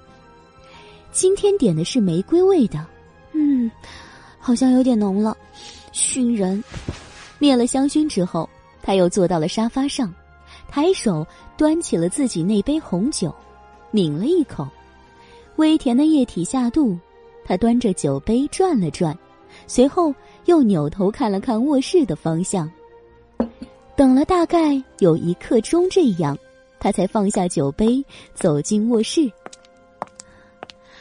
荣寒生，他先是声音很大的喊了一声，然后弯腰。伏在荣寒生面前，抬手故意用力的在他脸上拍了几巴掌。喂，你醒醒！他喊着，喊了几声，确定这男人跟死猪没什么两样的时候，他才脱了鞋上床，费力的将他的身体扳正，然后脱了他的衣服。翌日清晨第一缕新阳光洒进来的时候。荣寒生就被一声惊叫吵醒了，啊！惊天动地一声，吵得荣寒生不得不睁开了眼睛。他的目光很快就锁定了那个鬼叫的女人叶朵朵。此时，这个女人就坐在床上，她的身边穿着睡衣，捂着胸口，瞪眼看着他，那张血盆大口对他吼。不用听下面的话，荣寒生都知道他在朝他吼什么，因为眼前的事实简单明了，不需要过多的猜测。他躺在他的床上，光着身，而且是一丝不挂，全身赤裸，而他呢，披头散发，衣衫不整，泪眼迷离，惊慌失措。好吧，事实已经如此清楚了，还需要猜测什么？荣寒生盯着叶朵朵那副可怜兮兮的样子，心里一阵沈笑。笑过之后，他翻了身，露着坚实的肩膀看着他。接下来，我是不是该对你负责了？荣寒生笑问。叶朵朵愣了一下，瞧他的反应，怎么好像有点不对？心里直打鼓。表面上还不得不维持他现在该有的表情。荣寒生，你什么意思？吃干抹净，你不认账了是不是？叶朵朵的怒气是真的，他的那双眼睛瞪得圆圆的，像一只发狂的小猫，正对着他龇牙咧嘴的叫。荣寒生笑笑，无辜的说道：“我明明是主动来认账的，说吧，怎么负责？我可以养着你。”价钱随你开。混蛋，装糊涂是吧？还包养我呢？做梦呢！叶朵朵暗暗的咬牙，瞪了荣寒生一会儿，才说道：“我对跟你没兴趣。昨晚的事，算个意外。大家都是成年人，我也不追究了。这样吧，把那块地皮给我，我们就两清了。哦，荣寒生拖了个长音，然后点点头。不错的买卖，很划算。只是，他眸色幽深，盯着叶朵朵那张泛着浅浅红晕的脸，薄唇凑近，他轻声说道：“昨晚我意识不清，就算做了什么，现在也全忘了什么滋味。不如……”你帮我回想一下如何？话音还没落下，那条手臂就勾了过来，直接把叶朵朵勾倒，躺在了他的身边，鼻尖擦到男人坚实的肩膀，叶朵朵仿佛被什么东西烫了一下似的，慌忙挪开了一点。禽兽一次还不够，还想第二次？荣寒生，你怎么那么会做梦呢？话不能这么说吧？荣寒生不轻不缓的戏笑着，手指。绞起他的一缕长发，缠绕在指尖把玩。好歹也是一块地皮，睡你两次好像不为过。再说一次是睡，两次也是睡，习惯成自然，你反倒赚了。我怎么就赚了？叶朵朵瞪眼叫道，完全不能理解这个男人的脑回路。荣寒生对着他笑笑，手指一勾，扯着那缕头发。将叶朵朵的脸拽到了面前。男色也是色，男男色。他的意思是，被他睡，我反倒占他这么大美男的便宜。人不要脸，世间无敌呀！荣寒生，你这么有色，干嘛不出去卖呀？叶朵朵气得扯回自己的头发。想翻身坐起时，腰间却被荣寒生的手臂给捆住了。你闪开，反正你做也做了，别想不认账。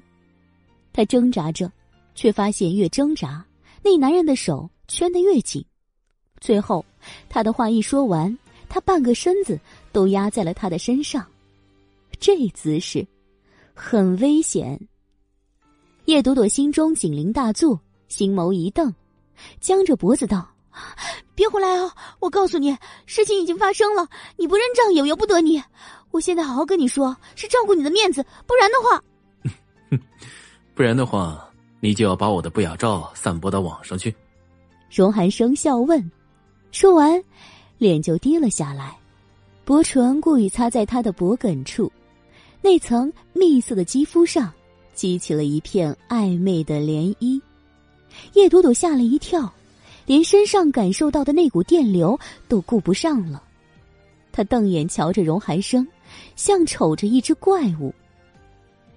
荣寒生低垂着目光，看着他若隐若现的锁骨，最后恶趣的在那上面咬了一口，刺痛传来，叶朵朵才终于回过神，他使劲儿推了荣寒生一把，脸色发白，也极为不爽的盯着他。你都知道了，荣寒生收回手臂，侧身躺在床上，讥诮的撇了撇嘴。这点小伎俩都看不出来，我的智商岂不是跟你一样？那你昨晚的头痛昏睡都是装的？不全是吧？头疼是真的。荣寒生抬手抚了抚额，不过现在好了。他现在好不好，跟他一根毛的关系都没有，他也不关心。他关心的是，他是怎么知道他要给他下迷药的？他可是做了双重保险的。哦，不对！叶朵朵突然想起荣寒生昨晚的表现，捋顺思路，想了一会儿，他又皱起了脸，一脸的懊悔，恨不能敲死自己这个蠢脑袋。大意了，真是大意了！他要开窗睡觉的时候，他就该想起来的。结果，悲剧了。你是不是觉得先在酒里下药，又在熏香里动手脚，这样我肯定会中招？荣寒生笑看着叶朵朵表情千变万化的脸，不遗余力的刺激着她。笨蛋，想的真天真。说实话，这种双重保险式的下药方式，若是别人用在他身上，他可能真的会中招，躲得过这个，躲不开那个，总有遗漏的。只可惜，他深知这个小野猫的特性和特长。从他在突然答应他那个跟他的条件开始，他就开始对他提高了警惕。进门后的红酒、熏香，他并不确定里面是不是加了料，只不过鉴于他的烈性，他把这两样都归于了危险物一类，所以直接来了个装晕。这丫头也是太大意，对自己的下药水平太自信，很容易就相信了。然后，然后他就有现在这个机会欣赏他这种吞了苍蝇般的苦逼表情了。越看越高兴，荣寒生唇边的弧度也越来越深。眼见叶朵朵还在发呆，他干脆又伸了手，将她勾了下来，直接抱紧了在怀中，薄唇微微开启，戏笑的问了一句：“我的身体，你满意吗？”身材，叶朵朵一愣，顿时涨红了脸。瞬间就五脏翻腾，有种想吐的感觉。荣寒生，你要不要脸的啦？我不要脸。荣寒生大笑起来。不要脸的是你吧？深更半夜在自己床上把男人的衣服脱了，还脱个精光。叶朵朵，你告诉我，一个女人这样做叫要脸吗？我那是……叶朵朵的脸红的跟猪肝似的。话还没出口，又被荣寒生截了过去。你那是什么？是想下药把我放倒，诬陷我睡了你，又把我扒光了，拍了点照片，想威胁我什么都听你的。说到这里，荣寒生稍稍停了一下，放肆的轻啄了一下某人的脸颊。我说的对吗，叶医生？身为医生，乱给人下药，这种职业操守也是让人陶醉了。荣寒生心里嗤笑，脸上表情轻松愉快，那模样活像在欣赏一个小丑的表演。叶朵朵受刺激了，小小的自尊心受到了极大的刺激，他一咬牙，张嘴就说道：“是啊，我是想威胁你，那又怎么着？你以为你能好到哪里去？明明醒着，还任由我把你的衣服脱光，荣寒生。”你可真够变态的，有裸露癖吗？一顿吼完，荣寒生不语，他又不解气的跟道：“还有，你知道又怎么样？反正那些照片我已经拍下来了，我现在就给你发网上去。”他抓住荣寒生的胳膊，用指尖狠狠的掐他，想要把横在他腰间的那条胳膊给拽出来。手臂上感觉到了疼痛。荣寒生身体轻巧的一个下压，就把叶朵朵给压在了床上。你没有东西可发，半夜的时候我已经把你存电脑里那些照片删除了，手机里也一样，不信你去查。荣寒生，你太过分了！叶朵朵抡起拳头，对着那坚实的后背狠狠的捶起来。那拳头对他来说绵软无力。就像被蚂蚁咬了一样，不疼，却有点麻麻的。荣寒生却只是一声沈笑：“哼 智商碾压了你，所以我就过分。寻常的女人，只是身体上能带给他愉快的感觉。这个女人不同，她还能跟他玩一些智能小游戏，时不时的品尝一下智商碾压的快感。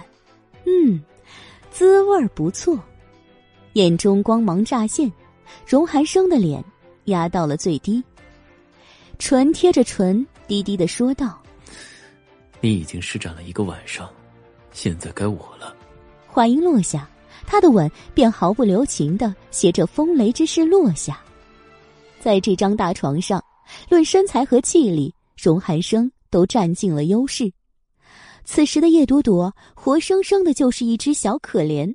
被压着动弹不得，直到所有的激情淡去，房间中只剩下墙壁上挂钟发出的滴答声时，荣寒生才松开身旁昏睡过去的女人，盯着叶朵朵那张汗津津的脸，他的眼眸深如一汪幽潭，那久久难以平复下来的粗重心跳提醒他，他有些痴迷这个女人的身体。因为太久没做了，所以这么不自控。荣寒生自嘲的勾了勾唇，眸光顺着叶朵朵玲珑有致的身材滑到下方的时候，他的眼眸又猛地缩紧了。这张床上铺着浅蓝色的床单，而现在，床单上虽然皱巴巴的，但是上面却是干干净净的，没有那点鲜红。也就是说，他不是第一次。心尖儿像是瞬间被什么戳了一下，一股烦躁的情绪瞬间弥漫上来。荣寒生翻身坐了起来，拾起衣物，急速的穿在了身上。这个女人竟然不是第一次，她竟然不是他第一个男人，这种感觉真他妈的太糟糕了。那么。要了他的那个男人是谁？是相框里那个一副守卫姿态、站在他身边的男人。昨晚叶朵朵口口声声的说她有男朋友还同居，当时她并不相信，因为这个房间里除了一张照片之外，找不到任何跟男人有关的东西。说同居，她的谎话太拙劣。可现在，不管她是不是真有男朋友。他曾经有过男人，是真的。他怎么可以有过男人？